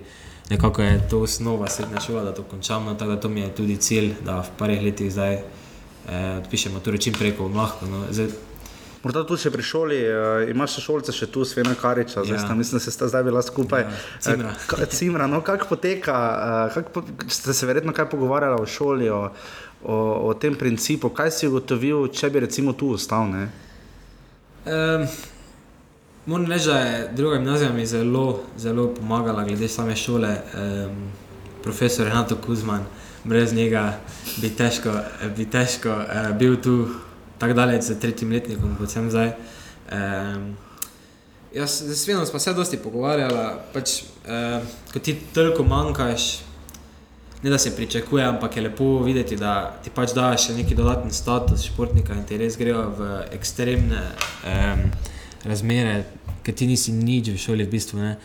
In uh, sem proval nadaljavo delati čim več, koliko sem lahko. So mi omogočili 5-6 predmetov, ki sem jih lahko upravil preko interneta. Da potem, ko maja mi zaključimo sezono tam, ko se vrnem, da še provam tu upraviti čim več, kar lahko. Ne? In to so bolj tem predmeti kot matematika, fizika, ko nekako potrebujem razlago profesorja. Ne? Um, Tako da, ja, no, moram reči, da glede šole sem mogoče bil še eh, boljši kot kateri mali burčani iz okolice tukaj, ki so pa vsak dan v šoli. Uh -huh. Jaz bi rekel, da je vse stvar volje eh, in nekega odnosa, ki ga ti pokažeš eh, v stanovi kot šola, ki ti potem to vse vrnejo. Um, tako da ja. No, to... Kaj pa konkurenca tam, ne? ko prideš, igraš. Bomo vzela za primer, pa ne rabiš ga komentirati. Zdaj ima za primer Maribor, kjer imajo mladi res težke možnosti. Če vzamemo recimo primer Dina Hotiča, ki je šel potem v Krško, zdaj je prišel, zdaj ima končno nekaj možnosti, ampak so ga morali tja predstaviti stran od šole. Uh, če tu pogledaš, ne, kakšna je tam ta pot konkurenca, koliko imaš tam možnosti. Ne. Tu recimo Mladinska liga je sicer kvalitetna, ima nek renome, ampak zagotovo ni pa tako zorganizirana kot je pa pri vas, ne, to, kar si dal ti, ja. tudi ti skozi. Ne, in, mm. in kak, kak, malo nam opiše, kako tam zgleda mladinska liga, oziroma kako tam zgleda, saj vemo te zgodbe že iz generacije 92, ko je Ferguson dobil Skolsa, Gigsa in ja. Beckma. Ja. Ampak kak, kako je tu v Drbiju, ne? kakšna je možnost, da pridete med uh, člane in potem naprej? Um, zdaj, sama akademija. Um, Drugič, od mlajših nog naprej, potem bolj profesionalno se začne pri U18, kjer sem še jaz lani bil, eh, možen Eh, član ekipe, kot eh, sem že bil star 17 let, naprimer, sem že prestar za to ligo. Ampak eh, v bistvu nisem skoraj nič igral v tej lige 18, ker smo mi, ko sem šel tam na probo, smo, smo dobili potrditev, da bom jaz ekipo 21, do 21 let in to je bil tudi veliki faktor, da sem izbral Derby County. Ker dvomim, da bi naprimer, pri Evertonu bil kar takoj uvrščen med starejše. E, in to se mi je pač zdelo zelo pomembno za moj razvoj. E, Tako da sem igral Ligo do 21 let, že lani, letos se pa je ta liga spremenila v Ligo do 23 let, torej so še za dve leti podaljšali in to dela Angliška liga namerno, eh, ta njihova zveza, nogometna, zato ker so delali raziskave in so videli, da poprečje igralcev, ki debitirajo, je 23 in nekaj. In liga je pa bila samo do 21 let, torej, tam dve, dve leti, leti ja. nekaj zmanjka vmes in niso bili tam največ igralcev potem propade, oziroma grejo v, yeah. Ja. v niže lige ali pa tudi nehajo z nogometom in je pač se njim zdelo škoda in so zdaj zdali nov sistem, da je do 23 let, da se to nekako podaljša, ne, da, da bi obdržali večjo maso igralcev in da potem tudi bi se nogomet angliški nekako dvignil. Ne, ker, Ne glede na to, kako je liga močna, reprezentančna se vseeno, vedno jim nekaj zmanjka. Ne? In se vsi sprašujejo, zakaj ne. In zdaj bomo videli, če bo se to obrestovalo čez par let. In, eh, ja, v glavnem, Liga 23, eh, trenutno letos smo v prvi diviziji, veliki klubi Chelsea, tudi yeah. Ja. Manchester United, to so sami zvezdniški klubi in tudi zvezdniški igralci. Eh, pa tudi trenerji znajo, tudi glavni menedžerji ja, znajo to pogledati. Ja. Ja. In moram reči, da je nivo je kar visok, eh, ampak od tu do člana je potem še vedno ja, kar veliki preskok. Ne? Eh, ne bi rekel toliko več fizično, ker 21-23 let so že vseeno moški. Ne? Ampak tehnično in pa hitro, vse se bolj igra hitro. Uh, tako da pri samem derbiju imamo največjega zvezdnika Will Hughesa, eh, fant je star 20 let in ima dru, drugi ali je celo trenutno prvi največ nastopov za člane, je 20 let star, ne, že 4, 5, to je peta sezona, že redno igra za njih. In, eh, je tudi nek pokazatelj, da se da skozi akademijo prodreti noter v prvo ekipo. Tudi moj soigralec Mason Bennett pri 15 letih je naprimer, debitiral. Tako da sam derbi nekako je slavil potem, da da priložnost mladim igralcem. Tudi pred dve leti nazaj ta Jamie Hansen, moj soigralec, je debitiral takrat eh, in je že ima sedaj dobrih 20 nastopov za člane. Ampak takrat od njega pa do zdaj pa ni bilo dobenih mladih fantov, ki bi debitirali. V mojih očeh je to predvsem zato, ker so trenerje menjavali so pripeljali pol Klementa iz Real Madrida, eh, pomočnika Ančelotija in takrat on imel 8 mesecev na delovnem mestu. In se mu je šlo, sigurno za rezultat, so ga pripeljali s tem, da nas yes. pelje v Premier League in je težko dati mladim nekako priložnost, ker je vseeno. Championship je taka liga, kjer vsak vsakega premaga in se vsak. Championship je liga, kjer se povih bori za obstanek, to pa za nas. Točno tako, točno tako. Vsak vsakega premaguje in vsaka točka je pomembna in težko nekemu mlademu dati priložnost. Pa močne so, ekipe so še vedno na tem mestu. Sploh le zgodovinske. Aston Villa so vsi prišli. Pa še stare, tradicionalne, kot so Leeds, ja, ja, Aston Villa in podobni. Ne? Je, je kjer močna liga. Ja. Potem so njega odstavili, je bil naš trener od 21, proglašen za članskega. Takrat, ko je on eh, prevzel to funkcijo, sem bil malo več za člani. Uh, sem bil tudi na klopi, parkrat čez njim na tekmo, do samega debija še sicer ni prišlo, letos so pa vzeli Nigel Pearsona, menedžera z kakšnim imenom v Angliji, on je uh -huh. v bistvu postavil vse temelje za ta sloviti Leicester City, ki je sedaj zmagal ligo. In lani šel tik pred začetkom Ja, sezone. On je v bistvu njih spravil v prvo ligo, nekako se stavil ogrodje, potem pa je odšel ja, in so podpisali eh, Ranjerja, Ranjerja, je tam pa vemo, da je. Zdaj, a je to res vse Ranjerovo delo ali Pilsenov, nikoli ne bomo vedeli, verjetno je pol pol, eh, ampak eh, pač Nalče Pilsen je že dal to skozi, kako priti iz Čempionšipa v Premier League, zato so njega tudi namestili za članskega trenerja. In zdaj je vedno tako, ko ti gotoviš, da bo novi trener spet je nov začetek, nekako spet novo dokazovanje. Ne? In eh, sem to poletje, ko sem bil tukaj, sem res eh, delal na fizični pripravljenosti, da bi jaz prišel na priprave že pripravljen, da ga nekako probam impresionirati ne, z mojim znanjem. In ko smo šli na priprave na Portugalsko, sem bil dosti z njimi tudi eh, zaigral proti Benfiki, članski ekipi. In moram reči, da so mi priprave šle odlično in je bil zelo zadovoljen z mano. In eh, potem je prišla ta pokalna tekma, ki je bila nekako presenečenje za mene, ker smo imeli dan prej tekmo z U23 proti Evertonu in sem bil siguren, da bom tam igral. V nedeljo so mi rekli, da bom z člani treniral, tako da v ponedeljek nisem šel z eh, mojo ekipo v Everton. In sem stal z njimi, treniral in sem bil potem v kadru za tekmo. Eh, zbral me tudi, da bom na klopi proti Karlajlu, četrto ligaše. Mm -hmm. Takrat sem imel v glavi, mogoče pa bo danes priložnost. Ne? E, nikoli ne veš, vse je odvisno od rezultata, ne? ampak naši člani so nekako že zdaj tradicionalno znani, da proti slabšim ekipam nima glih najbolj sjajnih rezultatov kot 3-0, 4-0. ne. Če imaš ti takšen rezultat, potem je lahko dati mlademu priložnost. Ne? Tekma je bila 0-0 do vem, 75 minut, mislim da. In zdaj bil siguren, da danes žal ne, ne, mogoče ne drugič. Ne? Pri nič nič, ja. Ja, potem je tudi dal noter Will Hughesa in Tominsa, nekako dva zvezdnika ekipe, da bi dobili rezultat. In to so že bile dve minute od treh, in sem si mislil, škoda ne, ampak dobro.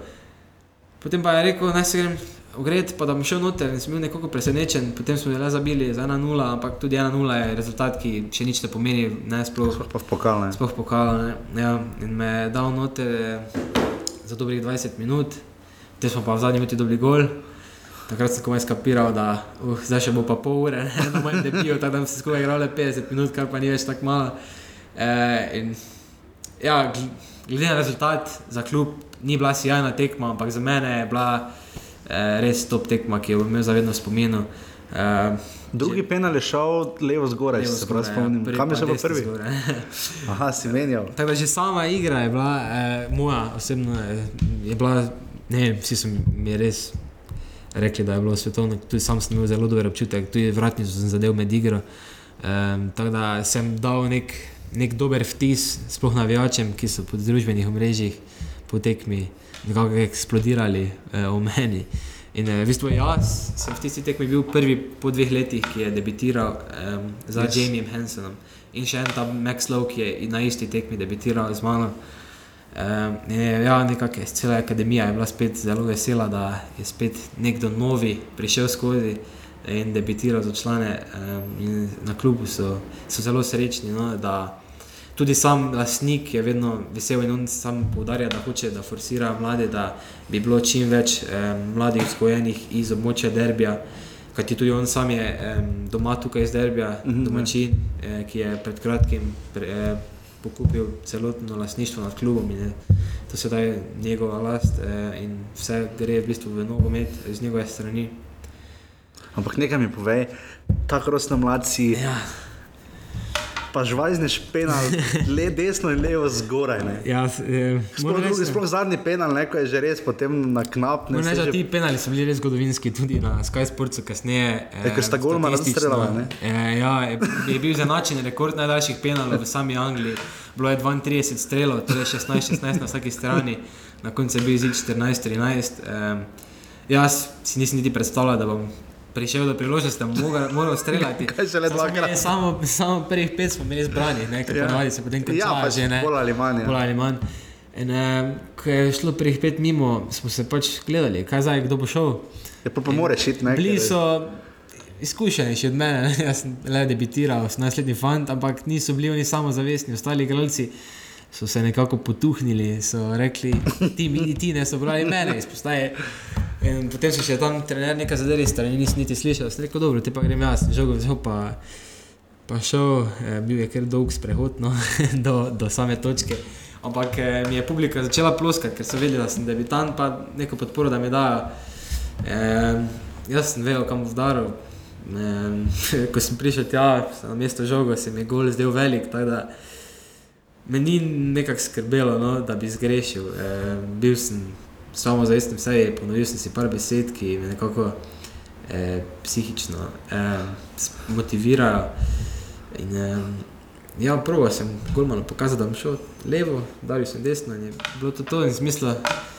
Vrejo, svoje sem zdaj jaz naredil, za danes ne, nisem si niti predstavljal, da bi še mogel enkrat streljati, da bi bilo še deset, da še enkrat se vse skupaj obrne. E, tako da, ja, potem še moral naš vratar streljati, njihov ni, zato ker se je en naš poškodoval in je že odšel noter, tako da je bilo nas samo 10, Aha, njih ja, ja. 11. In smo rekli, kaj zdaj hočete, da pride on ven, pa poškodovan vdari. So rekli, ne, naj vaš vrtar vdari, naš pa ne bo. Ne. Da so v bistvu oni bili na boljšem, če tako gledaš. Mm. Teda je prišlo do 16. strela, um, naš golman Scott Carson je pred mano obranil strel. In je bilo res nekako začarano za mene, kako na, da na debiju odločim eh, tekmo. In se mi je prav smejalo, ko sem šel drugič do bele točke. Ne, sem si mislil, kaj, da jaz lahko tu zaključim. Ne. sem si mislil, mater, to pa si nikoli ne bi zamišljal. Um, pa mi je bilo res tako smešno, smejalo se mi je, ne, in je bil njihov golman malo jezen, ker sem se smejal, ko sem si zaletel, pa vse ne. Eh, Res tako je agresiven, pa z nekaj si govoril, pa se mi je nekaj se smejiš, pa tako. E, tu pa sem si rekel, da če sem vuni rašel prvo daro, da še zdaj drugega prova, ne. No, pa iskreno, kaj na treningih to zavadiš, Ne, pač gre vedno mislim- nota. Ker nekaj česar pač ljudje, ki mogoče že dolgo niso brstni žogi ali Ja, nikoli niso, ne. Penal je relativno težko udariti iz enega preprostega razloga, ker žoga premiro. Ja, drugem primeru. Ja. ja, ja. Ker lahko Mislim, na pač- treningah dosti krat ne vodimo pedalov, ne. Ampak, eh, ko pa jih, pa jih par vdarim, pa ne vem, mi grejo.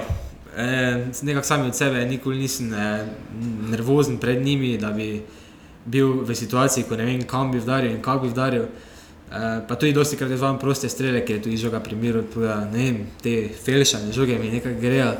E, tako da Ne vem, gol se mi je zdel velik, pa rekel sem si, da stokrat sem že vdaril, tako zakaj ne bi še enkrat, zakaj bi zdaj, glih, ko imam priložnost, da nas popeljem v drugi krog, zakaj bi zdaj bilo kaj narobe. Ne? Nisem niti pomislil, da bi, da bi lahko zgrešil, sploh pri tem drugem penalu, ker tudi če bi zgrešil, ne bi bilo konec. Ne bi bilo ker je- konec, Ker je ja. brano pred mano, tako da res nisem bil niti malo nervozen. Bil sem bolj ono vznemirjen sebi pozitivno, da, da pa zdaj pa bo končno konec, ker se je to tako dolgo vleklo, da so nas že vse noge bolele, tam na sredini stojiš, ne moreš se vse snimaš pijače po 120 minutah, nekateri igralci. Ti je že pol naporno to gledati, ker da pride igralec tja, traja 20 sekund, da vdari pa nazaj in to dolgo traja. Pa nekdo mora faliti. Ne, tudi, Nekdo ne, mora faliti. ne. Grdo, ne. Ampak grdo je, ko oni falijo, potem pa naš fali, pa gre dalje. Ne? To je najslabši čutek, ko že misliš, da bo pa konec. Ne? Pa ni. Tako da, ja, pozitivno sem šel na žogo, pa še drugega zabil. Da, eh, Kaj pa zdaj, zdaj pa pričakovanja pred naprej. Ne, pač, Ja, potem sem čakal na žreb, ne, za drugi krok, Ja. pa vem, da bo Liverpool. Ne, zdaj. Nekako bo to spet um, neka zgodovinska tekma za derbi, eh, ki že par let niso bili v Premier League in si tako močno želijo. Tako da vedno je lepo, da v pokalu dobimo nek veliki klub. Ne. Boljše, da izpadeš proti velikemu, pa sploh doma, da navijači pridejo, pa imajo okus te Premier League, kot pa da bi izpadli naprimer, proti v četrte ligašu. Uh -huh. um, naprimer, lani smo v pokalu isto imeli Manchester United doma. In je to nek dogodek za celo mesto, in uh, vsi komaj čakajo. tako Da, uh, ja, so bili vsi nekako srečni, tudi po časopisih so pisali, mm -hmm. Ilšnik, Hero of the Penalty Shootout. Tako da uh, je res izjemen spomin na moj debi. Uh, in, um, bomo videli, kako bo naslednji penal, ko ga bomo streljati. ne. Če Upamo, bo da- spet ta hladno krv, ali je bilo to zdaj. Upamo, da bo šel tudi ta vrač. Ja. Darko Milanič je imel kratko izkušnjo uh, lani v Licu, ne, oziroma zdaj že več kot debelo leto dni nazaj, uh, koliko šest tekem in je prišel nazaj, uh, ugotovil, da bolj malo ve o drugi angliški ligi, da je res specifična, ne, da pač ni bil navaden na zelo taki moški trd futbal. Um, kak gleda kaj gledajo ljudje v Drbiju na drugo ligo, oziroma kaj gledaš ti na njo, in tudi kaj gledajo na Premier. Ne? Znano je, da Angleži tisti bolj nostalgični grejo raje na drugo ligo kot na Premier ligo. Ja. Ker je Premier liga postala show business. liga je ne. šel biznis, denar, eh, vse skupaj. Tudi če gledaš ti prve postave teh top ekip, eh, ne vem, če bi rekel 25%, če jih je mogoče Angležo. Ja, zelo malo. Arsenal, City, to so sami tujci. Mislim, da je v celi ligi Nekako- 30, ja, 35 nekako ni, ni več. Nima več tega angliškega duha, ne, medtem ko druga liga so pa v bistvu sami angliži, irci, škoti in je to neki njihov zgodovinsko tipičen nogomet. eh. In pa ti, kako se ti tu znajdeš? Oziroma, koliko je tujcev tako znotraj lige, recimo, ne vem, tako da res te preseneti, da je kakšen srb, hrvat, Zdaj mačar, ne vem, avstrijec, nemec. Da te klubi, ki imajo ambicije iti v prvo ligo, postajajo nekako vedno bolj podobni premijaligaškim klubom in imajo več tujcev, igrajo bolj po tleh, ta nogomet od noge do noge, da držijo žogo. Eh, Derbi je potem že zdaj znan zadnje štiri leta. Tako da pri nas je nekaj tujcev, ampak um, glavni igralci so v bistvu domači. Um, Nek- V bistvu je to najlažje za njih, no, saj so tu vzgojeni, je to njim domače. No, in, nekako najbolj, najbolj, najbolje izpadejo v tej situaciji. Ampak potem pa imaš te tujce, ne vem, ki neki španec, francos, mali, hitri, ki pridejo in potem v bistvu ritem razbijajo. Rabiš ti te igralce, ki bo v trenutku lahko tekmo obrnili. Um, zdaj sama druga liga, mm, v mojem pogledu. Če primerjam Maribor, ne, to vedno rečem jaz, da uh Mhm. -huh. bi zelo rad videl Maribor, da bi lahko eno sezono odigral v drugi angliški ligi, da bi videli, kje so. Ne. In? E, realno je. Ker s Chelsea je težko realno presoditi, ker so tam Ena izgubili. tekma se- Ena tu je bila, Se ne, ena, ena, na tam so pa jih razbili. Potem se taktično dobro postaviš, Ja. samo ampak da pa zdaj ti igraš ta nivo. V drugi ligi bi Maribor kje. sobota, uh, ne vem. Jaz bi, jaz bi rekel, zlata sredina. Bi bil. bi bilo pozitivno za mene. Uh Mhm. -huh. e, više trenutno, ne vem. E, zdaj, Težko Gori oceniti, nimam no. dosti prenosa, tako da tudi ne vem, kako se trenutno, uh, Mariborska članska ekipa, malo sem gledal proti Everdinu, ampak Kaj pa ugotoviš, ko prideš nazaj v reprezentanco, tu naš nogomet, gojene reprezentance, ne na zadnje, eh, mlada reprezentanca je igrala zdaj za Irsko in je Srbe premagala v 21, eh, članska reprezentanca je včeraj začela, žal ni zmagala, je, je bilo dve proti dve. Kaj gledaš na slovenski nogomet, ko prideš nazaj njega, ker si del nogometa slovenskega? Ne? Prijem nazaj, no, eh, zdaj iz moje reprezentance vidim, da fanti so dobri. Ne. Sploh je ta moj letnik. Eh, imamo res par zelo odličnih novetašev, ki mislim, da bi, da bi jim uspelo v tujini. Ne. Zdaj, zakaj pa niso tam in pa drugo, ali je to iz osebnih razlogov, ali pač niso dobili priložnosti. To je pač kruta realnost slovencev, da je, je, smo vseeno v taki poziciji, da je težko priti do, do tujine. Um, Tako da mislim, da bi nekaj se moglo narediti v tej smeri, da bi lahko bolj se to množično. Pa vse da probaš, da greš in pa probaš, ni no, da potem ti tam ostaneš. ne. E, zdaj vidim, da nekaj mladih tudi e, redno igra v prvih in drugih slovenskih ligah. Tega je ogromno, ne? Tega je v prvi ligi je je- poprečna mislim- starost lige, v, razen da morda v Mariboru, Ja. je res relativno Mislim, da je nizka. to ne. šlo dosti na boljše kot pa par let nazaj. ne. E, tako da to je definitivno pozitivno. In tudi smo videli z parimi primeri, mislim, žal in olimpije, da se mladi tudi lahko prodajo v dobre klube iz slovenske prve lige. Ne. Um, tako da mislim, da se vse nek- nekako zdaj postavlja na mesta. E, bomo videli, kaj bo se zgodilo, če bo naš gospod Andraš Čefe, eh, Čeferin izbran za Aleksandar, ja. Aleksandra Vojfenega predsednika, um, ali bo to še neka pozitivna vrednost za slovenski nogomet, po mojem, sigurno bo in uh, upam, da se bo to uresničilo. Um, reprezentančni nogomet pa, mislim, da smo Slovenci neka specifična vrsta glede tega spočlanskega. Ne?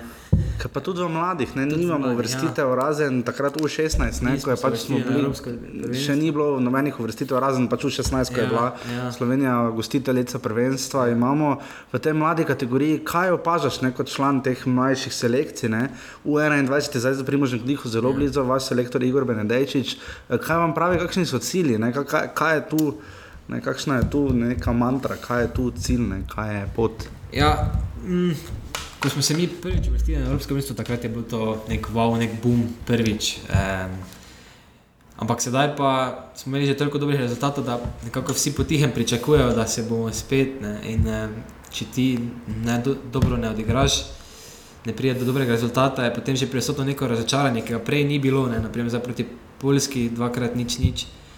Je že bil malo grenki priokus, ne, ker vseeno nekako pričakujemo, da bomo zdaj kar premagovali vse. Um, cilji so za Evropsko prvenstvo, sigurno, ampak moramo biti realni. Um, žreb je žreb, um, lahko dobiš najtežjega nasprotnika, samo ena ekipa se vrsti naprej, v našem primeru. Na Češke imamo Francijo in Češko, Francozi so bili evropski prvaki, tako da ne bomo se predali, sigurno ne šli bomo do konca. In mislim, da imamo realne možnosti, da, da, da se uvrstimo. Naprimer, čudi se dogaja, tako kot Lester, ne? zakaj ne bi nam tudi uspelo. Um, je pa zdaj težko, da bi nam rekli, od vas se pa pričakuje, da prijemo na Evropsko prvenstvo. Ne? Ni. ja. Od vodilnih me nikoli, nikoli ne dobimo samih eh, navodil, morate, morate. Eh, vseeno je v spredju nekako, da slovenski nogomet prikažemo v boljši luči ostalim reprezentancem. ne. Mislim, ker ko zdaj gledaš svojo generacijo, ne, ali pa tudi tiste dve leti starejše, ker se zdi, da članska reprezentanca, ki je ena veliki mastodont za sebe, ne, eh, se zdi, da nekako se še ni menjave generacij prišlo. Ne. Imamo potem tu mlade igralce, ja. Ne vem, Šporar, Zajec, Stojanovič in tako naprej. Eh, Kaj vidiš svoje generacije, ne, kakšen nogomet bo čez 5-10 let, ne, takrat boste vi, v bistvu stari zlata leta, tam 23 do 27 nekje. Ne. Ja, jaz mislim, da dobro, zdaj to je težko reči, ampak v mojih očeh mislim, da z našo generacijo bi, bi se dalo dobro člansko A reprezentanco ustvariti. Saj že ti pet let starejši od mene, ki bodo takrat že nekoliko bolj izkušenejši, niso eh, slaba generacija, imamo zelo odli, odlične igralce, kot Krhin, Kampel, Iličič, to so še vseeno vsi relativno mladi. Eh, proti, proti ostalim, eh, ki bodo nekako zdaj zapuščali počasi člansko reprezentanco. Mislim, da vsaka, vsaka država ima neko obdobje, ko je pač treba zamenjati okostje eh, ekip, eh, ker reprezentanca le ni klub, ko si ti vsak dan skupaj. Ne? In, eh, jaz mislim, da, da bi se z prihodnostjo mladih v Sloveniji dalo, dalo uvrstiti spet na neko veliko tekmovanje. No? E, tako da upam, da bom jaz prihodnje del tega e, in moji e, sovrstniki v teh reprezentancah zdaj, e, ker nekako pač smo vseeno pokazali, da smo imeli ogromno dobrih rezultatov in da lahko se mi kosamo z tujci naših let. Teda, ko bomo mi stari 15, bodo tisti, ki smo jih premagali, naprimer, eh, ne vem, v Turčiji, isto 15 let. Ne. Tako da nekako skupaj skup rastemo. No, če smo mi v tem obdobju boljši od njih, zakaj takrat ne bi bili. Ne. Eh, ampak to je zdaj vse odvisno od klubov, kako se bo zdaj delalo z nami do 25 let. Ne. Ker takrat mislim, da največkrat se nekako slovenski nogomet ustavi. No. Tam do 18, pa Še 21 gre, ja. let, če gre, smo tu, tu smo dobri z ostalimi reprezentancami, potem pa vse nekako, nekako pade. Um, tako da mislim, da, da če nam to uspe popraviti, bi, bi z veseljem lahko pričakovali spet kako velik turnir. ne.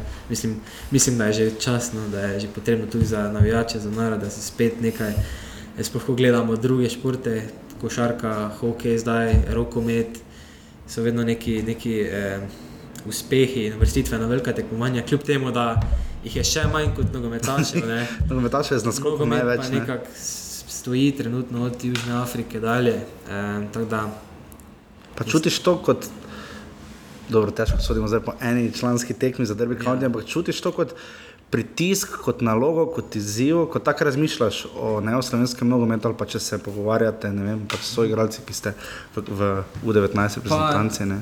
eh, kot pritisk še niti ne. Ker, eh, sam menim, da sem še daleč od članske A reprezentance. Prvo bo treba za U21 debitirati in potem eh, se provati z njimi, vrstiti bil kam, ko pa bo poklic v A, eh, če bo, upam, da čim prej. Eh, pa bom z veseljem sprejel vlogo, mislim, da je to čast in eh, veselje vsakega nogometaša. Ne. In dokler nisi tam, v bistvu, po mojem, niti ne veš, kako to je, ne, ker vseeno do nas, mlajših selekcij, ni takšnih pričakovanj in medijske izpostavljenosti kot pa A, eh, reprezentanca, kjer pa eh, je res to na drugem nivoju, tudi eh, selektor, eh, bilo kdo bo, če bo to srečko Katanec, če takrat. Eh, so to čisto druga pričakovanja, drugi, drugi način dela. Mm -hmm. Um, tako da ne bi rekel, da čutimo mi kot mlajše generacije neki pritisk, da bi mi ponesli Slovenijo nekam, vsaj zdaj še ne, mogoče se bo to takrat začelo, ko bomo mi nekako začeli prihajati noter. Ampak tudi če bo, jaz bi to z veseljem sprejel kot neki izziv, da, da pač dvignemo Slovenijo in slovenski nogomet, ker eh, to je nekako tudi osebni cilj, no, da ti nekam se uvrstiš oziroma osvojiš z državo nekaj. Tako da, ja, no, z veseljem, eh, zelo prihodnost tu je reprezentančna in upam, da še bo dosti, dosti tekem. Še proti koncu, za konec, v bistvu, uh, danes veliko mladih, uh, govori se o begu možganov, mladi grejo ven, početi vse živo, kar nekaj greš študirati v Anglijo in potem jih veliko krat sprašujemo, kakšna se zdi Slovenija, zakaj so šli ven. Uh, kako se tebi zdi Slovenija, ko, ko zdaj pogledaš, ne, ko si še na, ne na zadnje kaj dve leti, tri leta nazaj si še tu sedel. Ne, Ja. Uh, zdaj si tam, uh, potem prideš nazaj sem, uh, bi rad tu bil, bi rad tu živel, kasneje ustvarjal, delal. Kako čist-? Slovenija je čist tak. Ne nogometno. Ne. Tudi nogometno, ampak Ja, eh, jaz moram reči, da v Angliji zdaj res neizmerno uživam, da sem se tam nekako najdel. Eh, se počutim, del okolja tam so me res zelo hitro sprejeli, ljudje so zelo odprti, eh, doben doben ga ne sodi, vsak je kakor je še nje. So nekako bolj navajeni tujci kot tukaj, ker jih je res ogromno, mm -hmm. vseh ras in sort. Eh, in ja, v, Ang v Angliji je narod je zelo odprt, no, mislim, petek, sobota, to je mesto polno, ti njihovi značilni pubi, mm -hmm. ki jih je mogoče na eni ulici 40, nabiti vsi. In to Poštna ne, to 10. ne naše generacije, ampak generacije od vem, 30 do 50, 60 let stari ljudje in se to družijo in nekako živijo za to. In tudi nogomet je tam del vsakdana, eh, vsi spremljajo svoj derbij, je to eh, nek del mesta. Eh, Ker se počasi to spremenja, ne, ta lokalna pripadnost. Ne, Maribor zelo gradi recimo, na Ja. tem zdaj, ne, ko si ti odraščal, ker tam res vidiš, koliko to ljudem pomeni, če to so to, pisali. res, to je neka skupnost, nek eh, njihov simbol. Eh, in ko oni grejo kam drugam, naprimer, mi smo iz Derbija, to je ponos, ne, ono, to je skupnost, ne, to je prav um, kot mali narod, bi lahko rekel, ne, eh, ki ima te Derbyshire, eh, Yorkshire in te eh, podeželja. Tako Da, ne vem, potem pa priješ Slovenijo, pa druga zgodba tu nekako. No, mislim, v Angliji boš težko videl koga, ki bo res tako zagrenjen, tam so vsi nasmejani, se pozdravljajo, so bolj, bolj odprti in srečni. bi Rekel, ne, Tako da mi je včasih mi prav tu hudo, ko greš po Mariboru, pa poznaš nekoga, ampak te ne bo pozdravil, ker ne vem, te vidi po parih mestih, pa ne ve, če si ta še dobro ali pa nekaj veš. Tako malo je, tako ne, sploh teh mlajših generacijah. Ja, si lahko mislim. Ja. Stari, pa, pa tudi ni lepo, ko slišiš, slišiš po medijih, mesto umira, da se nič ne dogaja in to, kot si izpostavljajo. Teda, ne vem, upam, da, da, da se bo vse to nekako prebudilo, da bo se z mlajšimi generacijami spet začelo. Um, festival Lend, zgodba, um, kako bo to dalje, upam, da bo čim boljše, no, ker mislim, da mesto samo pridobi od tega, eh, dobenemu ne škodi to, no, eh, neko socialno druženje, eh, glasba. Jaz sem velik fan tudi glasbe, tako da v Angliji tega ne primankuje. Ne, imaš Ja, vse je tam, svetovne ne. turneje, Vse. vse. vse se zbira tam in to ne na enem mestu, ampak ker v šestih, sedmih mestih. In eno ti bo blizu, tako da je vedno priložnost, da ti ogledaš eh, neke glasbene ikone, eh, tudi filmske, bilo kaj ti je všeč. No, to je pač Anglija, je neka prestolnica Evrope, naprimer za Ameriko eh, je to vseeno tudi kulturno nek eh, vrh sveta. No, Kaj pa vreme? vreme pa je super, boljše kot tukaj. bi rekel, Zakaj no, gledaš, če sonce sije? Zdaj ja, ampak zjutraj pa je bilo. Zjutraj budeš. Zjutraj pa je bil dež, ne. eh, Zime niso trde, ker zna veter pihati pa trdo, biti odvisno, kje si v Angliji. slišal no. sem, da ste imeli nekaj neurja, pa to no, tako da, ne vem, poletje zdaj v Angliji je trenutno, eh, tam mesec, pa pol je bilo sončno, niti doben v Angliji ni mogel verjeti, kako ne. Eh, se na decembra mnogo meti grad, Ampak moram reči, da mi je boljše tukaj, tam, ko pa tukaj, ko je sneg, ker tam tega ni, ne. ja. Plus je, pač dežuje dosti, eh, si moker, m- mogoče je hladen veter, ampak ni pa tisto na minus 10 na aluminiju, ko so nam splužili umetno travo, pa tam treniraš v snegu. pa fajn je, ker ni premor tako dolg, ne, Ja. kot pri nas. Ne. Ja, po zimi ni premora. sploh ni, ne. Eh, tako da, ne vem, eh, vreme mi je ustreza, moram reči, no poletje nimam jaz rad. Eh, 30-35 stopinj, eh, sploh priprave, ko so najhujše, da v tisti vročini laufaš, te, to te ubije. Te, ne. eh, imam rajši ono 20 stopinj, 15, eh, malo veter zapiha, je vse nekako vsi fizični napori so nekako lažji. No. Tako da mi moram reči, da mi klima ustreza. No. Je, Španija, Italija, tam bi meni bilo muka, moram priznati. Rajši igram po dežju, kot pa pod 35 stopinj. No. Ti mi še to, kaj je tvoja največja želja? Moja največja želja je, p, eh, da zaigram v Premier League in da uspešno nadaljujem kariero tam. Zdaj ali bo to z derbijem, ki ima cilje, da se nekoč ta vrsti spet in da pač postanem nek eh, reden član zasedbe in se potem z mano oni uvrstijo v Premier League in se potem tam obdržimo. Ali pa odlične predstave v derbiju, pa da te potem Premier League klub eh, kupi od njih. Zdaj, kakšna bo ta pot, eh, mi je v bistvu trenutno vseeno, sam da bi enkrat končal tam, čim več nastopil tudi za reprezentanco, da tako smo se pogovarjali, da dvignemo spet narod na neko, neko veliko tekmovanje, ali bo to Katar ali pa bilo kaj drugega. Je Vidim, da si že koledar dal na 2022, vse prav, ja, vse. Ne, mislim, da bo to pač neko prvenstvo, ki bo nekaj novega za vsakega. Ne? V taki državi, kot bo tam, mislim, da bo tudi zaprti stadioni z klimatskimi napravami, zaradi Ali vremena. ali pa bo po zimi. Ja. Ali pa po zimi, ja, to bo tudi novost, se bo vse lige mogle predstaviti. Vem, eh, vseeno, kje, kdaj, eh, z veseljem se bomo ležili, če se bomo vrstili. Eh, tako da to bi bil cilj, eh, po karieri pa isto. Moram reči, da bi nadaljeval življenje ali v Angliji, naraje bi šel v Ameriko. Eh, osebno sem je nekako najbolj blizu, že raje športa, mm. NBA, NFL. To so mi vse že od malega športi blizu, ko sem se ob treh po noči vstajal, pa gledal tekme, potem pa kar je rekel v šolo. Tako da si enkrat tam, pa živiš z družino, lepo se lahko v živo ogleduješ tekme, to bi bilo eh, top po karieri. No. Eh, kot naprimer David Beckham, mislim, da mu ne gre težko tam. Ne. In ja, ne vem, nekoč se mogoče vrniti v Slovenijo, ljubo Slovenijo, imeti kakšen vikend tu, da prideš za mesec, za vikend, bilo kaj. Ne vem, eh, težko je zdaj reči za cilje v mm. življenju, bolj jaz gledam kratkoročno eh, za mojo kariero trenutno. Tako da ja mislim, da še me veliko dela in dobrih, pozitivnih stvari čaka. In, eh, hvala tudi tebi, da si me povabil. Da. Absolutno, in ker je imel zdaj offside, še eno vprašanje, si kdaj razmišljal, kako bi bilo, če bi v nogometu ukinili offside? Ja, veliko krat. In? Bil mali sem, jaz to prej študiral, zakaj napadalec ne ostane spredaj, pa gol Jaz- na nabije. ne. ja. Najlažje je bilo, včasih so igrali tako, ne, in potem je So, ja. pač, ni bilo taktike, ne. vsak za vsakim ostani z njim, da če da gol si ti kriv. Ne. Ker v bistvu napadalec ostane zgoraj Ja. in je zelo odprto. Ne? Ja, eh, pa sem, sem razmišljal, no, ampak.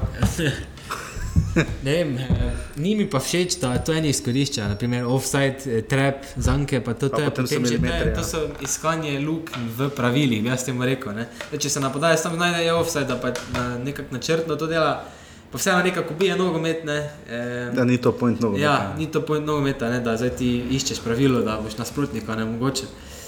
Zdaj, brez offsajda čisto je težko, ne, ker je to res neko pravilo, ki v bistvu narekuje igro in način igre. Ne. Ampak eh, mogoče bo v prihodnosti še kakšna dodatna pojasnila in pravila zaradi offsajda, nikoli ne veš. No. Eh, zanimiva je bila tudi situacija z Mariborom, naprimer. Na derbiju, vidiš, si videl, ne, ta je zelo, zelo specifična. Nikoli, nikoli, v bistvu, sploh ljudje, ki pač ne poznajo pravil, ne vejo, zakaj. eh, pa tudi Vse tudi marsikateri Prve, nogometaš, ja, pa nogometaši, še pa še kakšen sodniki, sodnik se ne. najde. E, takrat je bilo tudi ne vem, prvenstvo Nizozemska, mislim, da je igrala, ja, ko z je Italijo, igrala, ja. zunaj. Ne moreš iti ven v bistvu iz Ja, igre, ker tudi če ja. na tribuno laufaš, Ja, ne. se računa, kot da si na črti. eh, ne vem, z offsideom je vedno zanimivo ne, in tudi mislim, da sodniki marsikdaj slišijo kakšno preveč preko njihove mame ali njega zaradi odločitve, ki je v sekundi.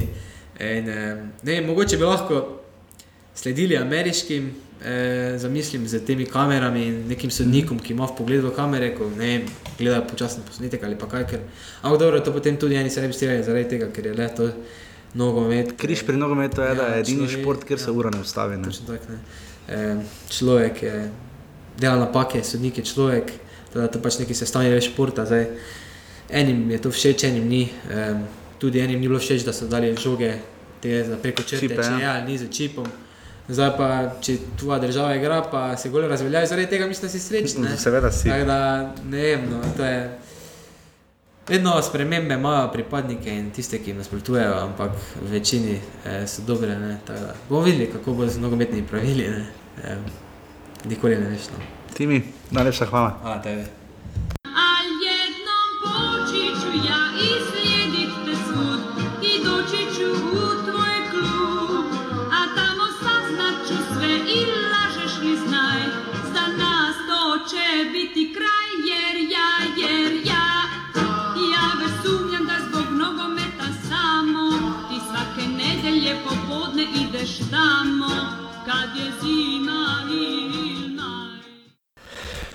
Tako to je, upam, da bil Timi Max Elšnik. Uh, skratka, um, ja, uh, gremo v PLTS, torej Prva liga Telekom Slovenije, kot tiček zapisnik smo vam še dolžni iz začetka oddaje. Oddajo o offsajtu o futbalu slovenskem, predvsem naši in vaši prvi ligi Telekom Slovenije. Klemen na zdravje, poslušate na iTunes in SoundCloud, pišete nam lahko na Facebook, pridno pa odgovarjava tudi na offsetafnormalni.si oziroma vaše predloge, kot je bil tokrat Matjažev, uh, ki ga bo obdelala na koncu. Uh, pridno sprejemamo in jih potem uporabljamo v oddaji. Če imate kakršne koli predloge, prošnje, pripombe ali karkoli. Devetega smo zelo zadovoljni, sploh pa ko ugotoviva, da ste nekateri bili tako prijazni in uh, nam celo finančno pomagali iz kraja, z venom luče in tako naprej. Tako da res, uh, res, res, res najlepša hvala za to tudi. Uh, s Klemnom to pripravljava in delava bolj ali manj vsak ponedeljek. Klemen, prosim, nehaj zehati, zato ker sledi eno večjih uh, zgodb. Seveda, minulega tedna končal se je prestopni rok prvega, ne? Uh, čeprav vem, kaj prvega zvečer, ali ne, 31. nas pri nas končajo. Um, uh, glavna novica prestopnega roka bi skoraj da lahko bila to, kar ni bila novica, ne? uh, da je Maribor zavrnil sedemmestno številko. Ne grem zdaj zato, ker smo z Mariborom, ampak malo je absurdno zavračati sedemmestno številko za igralca, ki očitno ni dovolj dober za prvo postavo Maribora, govorimo o Žanu Celarju. Ne? Ja, pač to je napihovanje, po mojem mnenju. Po moje tudi. No. Uh, take, take ponudbe za 17-letnika se ne zavrne, po mojem mnenju. No? Uh, glede na to, da še igra zdaj za mladinsko. Ko bi se za Maribor igral za člane, ne? Glede na to, da igra za mladinsko ekipo, vprašanje je, kje so ga sploh lahko videli. Oziroma, V Jarenini. za- oziroma, zakaj bi se, glede na to, da ni imel še uh, vidne vloge v članski ekipi, zakaj bi se sploh za nakup. Igral je proti Celtiku, Ja. dobro, ne, če se prav spomnim eh, na Ja. pripravah. Ne? Uh, Ampak, ja. okay, to je bolj, uh, to je bolj, bolj za, za šalo kot za res, čeprav je pač, sodeč po mnenju, izjava Zlatka Zahoviča in spletne strani enkamarjo.com še kako za res. Glavna novica je seveda bila prejšnji teden, uh, Luka Erzner je postal. Uh, trener uh, Olimpije Ljubljana, ne glede na to, da smo ga še avgusta slišali govoriti o rumeni družini, ki je potem napisal pismo in povedal, da je 12 let prebil, da je prišel kot mlad fant in postal pravi mož in je potem zdaj kot pravi mož sedel kot četrti trener ne, za časa Milana Mandariča po uh, Marjanu Pušniku, uh, Marku Nikoliču in pa Rodolfu Vanoliju. Je zdaj Luka Jezner četrti trener, uh, ki se je pač predstavil. Uh, Olimpija je že imela eno tekmo, igrala je z Udinezem in izgubila 3 proti 1. Luka Elzner uh, je seveda malo prevekslal in naredil sistem 4-3-3, ne. opustil je misel na tri branilce za Olimpijo, uh, res pa da Olimpija je bila jasno tudi malo oslabljena, ker je mislim, da dala kar Gre pet- za sedem, osem. sedem ali osem, ali kako vem, ja, ogromno reprezentantov.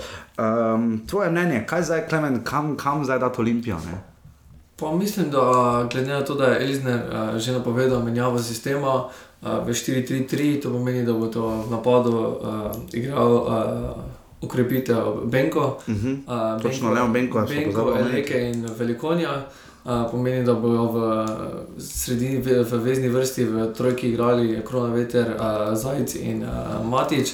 Mislim, da ta, uh, to je moje mnenje. ne. Ja, Uh, mislim, da bo ta postavitev z štirimi v obrambni vrsti bolj ustrezala uh, in z tremi napadalci, glede na to, da so tri napad, trije napadalci res kakovostni. Uh, tako da mislim, da bo z Elznerjem stvari potekale lažje, tudi slovenec je, glede na komunikacije z Vanolijem, smo videli, da so imeli tu težave.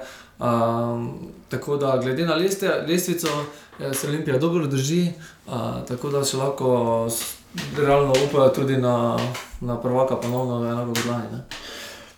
Misliš, da je to velika priložnost za Luko Elznera, taka bolj zdaj ali nikoli? Več tako smo videli pri Slaviši Stojanoviču, ki je sicer ja. potem dobil priložnost Crvene zvezde ne? in še vedno išče priložnost in je bil ja. tudi eden od kandidatov, verjetno. Lahko bi ostal v državah uh, mnogo let, uh, glede na to, da je tam. Uh, 34 let je komaj star. Ne? Ja, um, Ta epizoda ga zna zaznamovati v dobrem ali v slabem. Um, mnogi mislijo, da je pre, prehitro se že podal naslov v trenerske vode. Um, je pa se dokazal v državah, dobil je priložnost priti v boljši klub uh, z, nekami, z nekimi ukrepitvami, ki si jih lahko morda tudi on zbere, lahko ekipa in on skupaj napredujejo. In mislim, da se te ponudbe tudi jaz ne bi zavrnil. No. Leon Benko bo prvi sredec lige? Ma.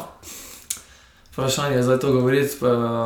Ujame še lahko, glede na to, da ima prvi 30 lige, sicer kot 5 gola. Seveda, pa smo pa videli taki, da podobni kalibri uh, tudi ni, ni, ni narečeno, da lahko uspejo, oziroma so pač. Ni nujno. Ja, ni nujno, da so pač uh, glavne zvezde uh, lige.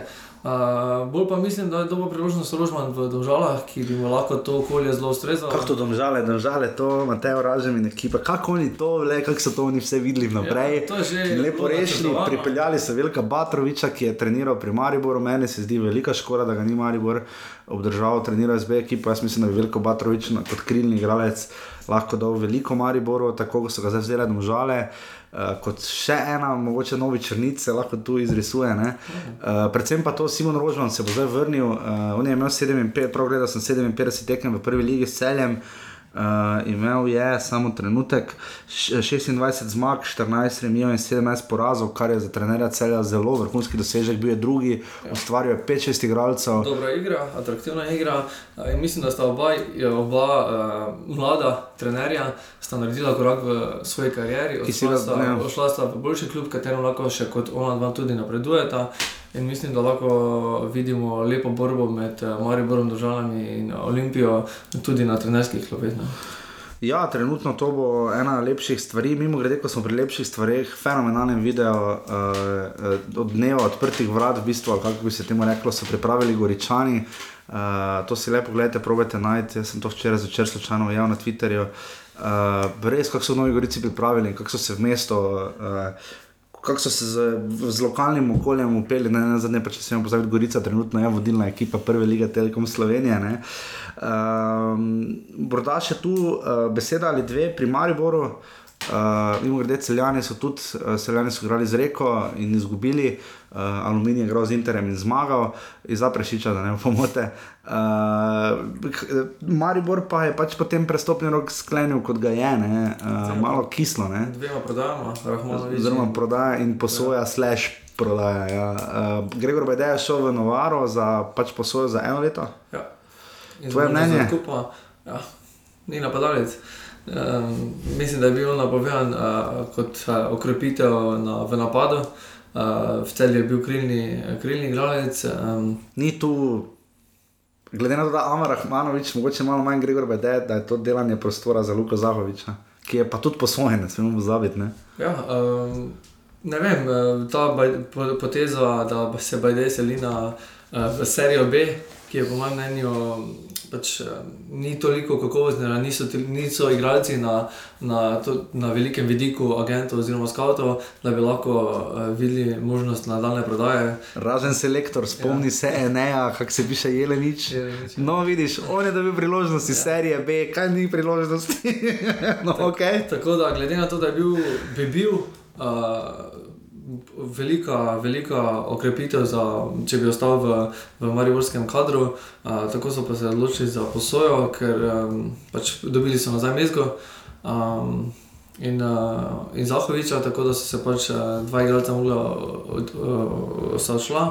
Um, dejansko pa je tudi celje okrepil uh, Rozman, uh, mm -hmm, vratar. Um, Kar čudi, Maribor ja. spet ni, Maribor se tu zogne, igra, ker se Handanovič poškoduje in je fertik. Ne?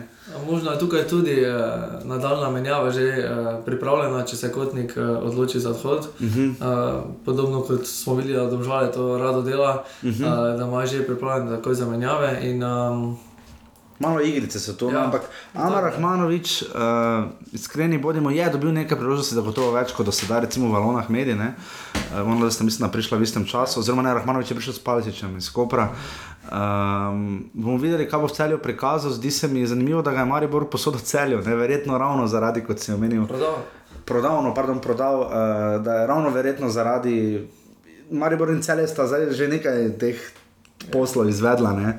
še s časov Rajka Repa, ampak uh, bomo videli. No, to je to, kar se tiče prve lige Telekom Slovenije, ki se prihajajoči konec tedna nadaljuje, seveda z osmim krogom.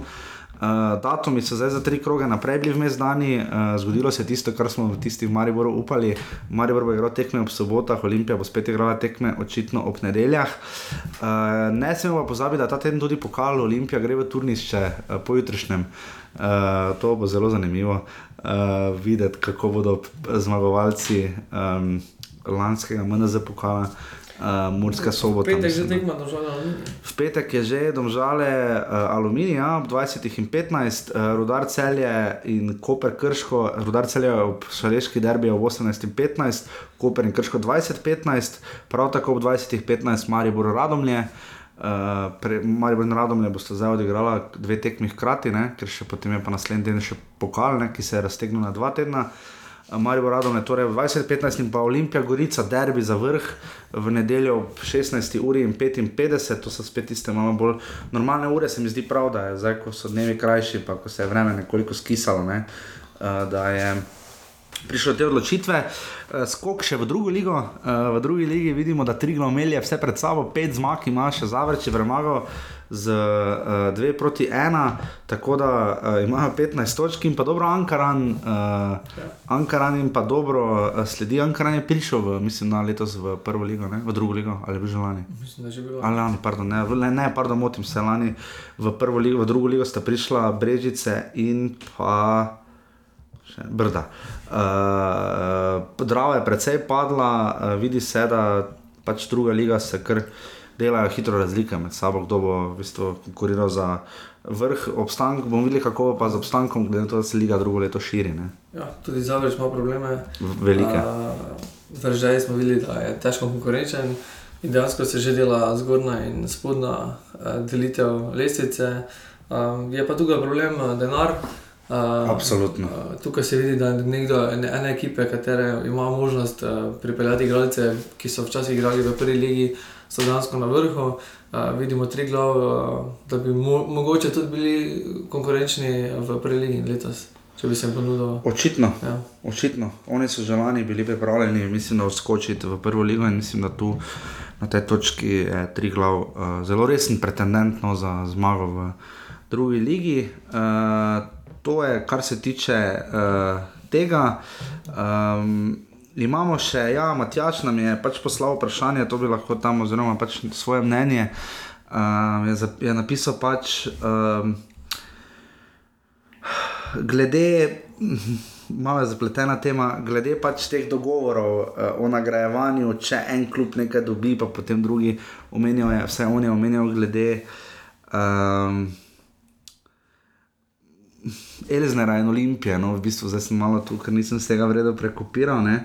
Uh, kako je za integriteto, da ko se potem, uh, da ni dvoma nad Domžalo in Olimpijo, to bomo malo pogledali, mi dva, Matjaž z Klemnom do naslednjega tedna, uh, ker je bilo nekaj govora tudi lani, recimo o nagrajevanju, uh, recimo spomnimo se primer in Olimpije. Uh, Ja. lani uh, in podobnih stvari, kako bo zdaj pač tu s temi tovrstnimi bonusi, to bo Matjaš pogledala do naslednjega tedna. Tako to je um, bolj ali manj to. Uh, Klemen je uh, zelo noter v etru, uh, malo se še loviva za veliki konec, ker, ker kot rečeno, bolj smo navajeni na. Uh, seveda na prvi ligaški offset, ki bo 54. offset, je na vrsti, seveda naslednji ponedeljek. Uh, klasičnih rubrik tokrat ni, uh, en sam offset je pač. Ni bilo kirma. Ni bilo, ni bilo kirma. Uh, no, povej, kaj si še pred oddajo povedal. No, povej, zdaj. Zakaj nisi rekel, da katanec naredi tretje menjave? Ker je bilo kirma. Kaj misliš? To je še ključno vprašanje. Manjka je na krilo, ne? Ja, manjko, manjko, manjko. manjko.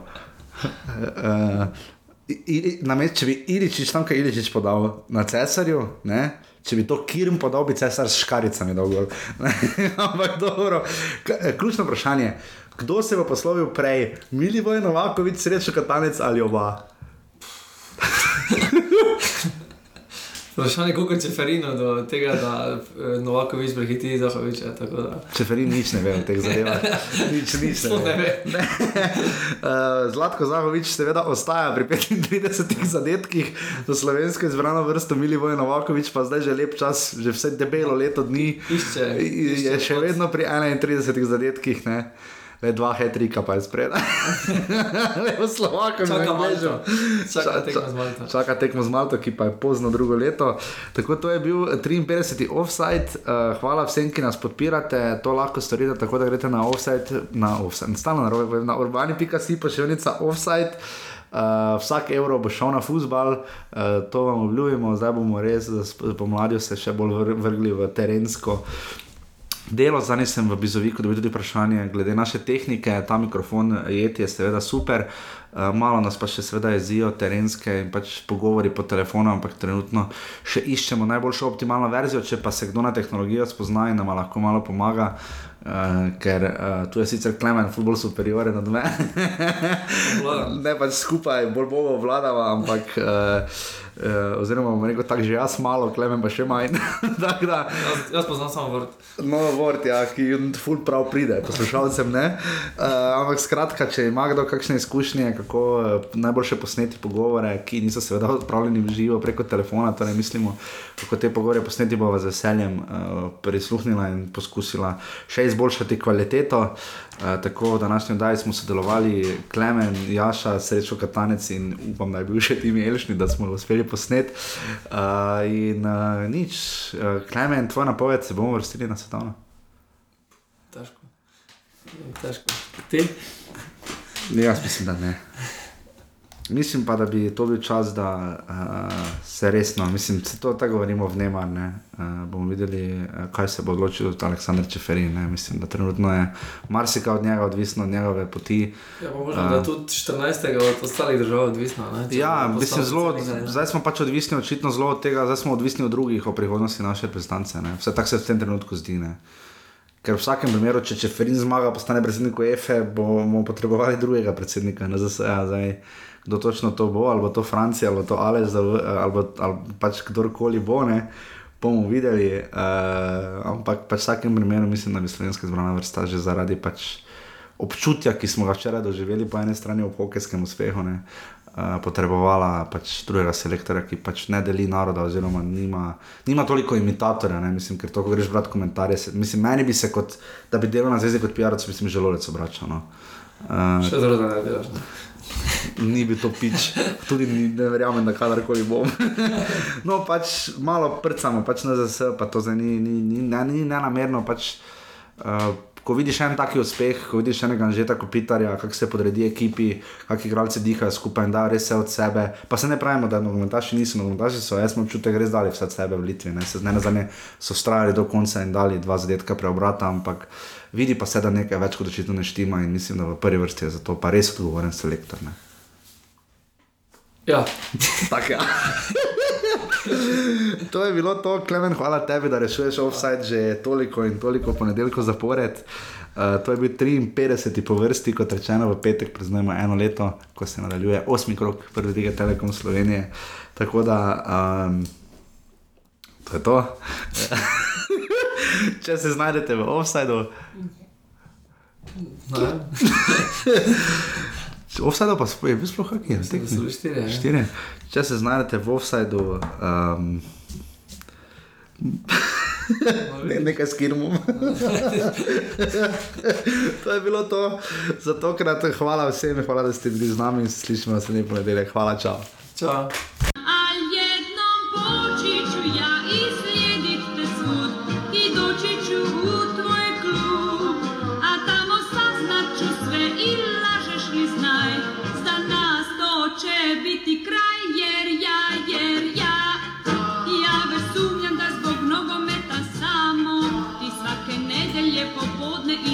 mammo, kad je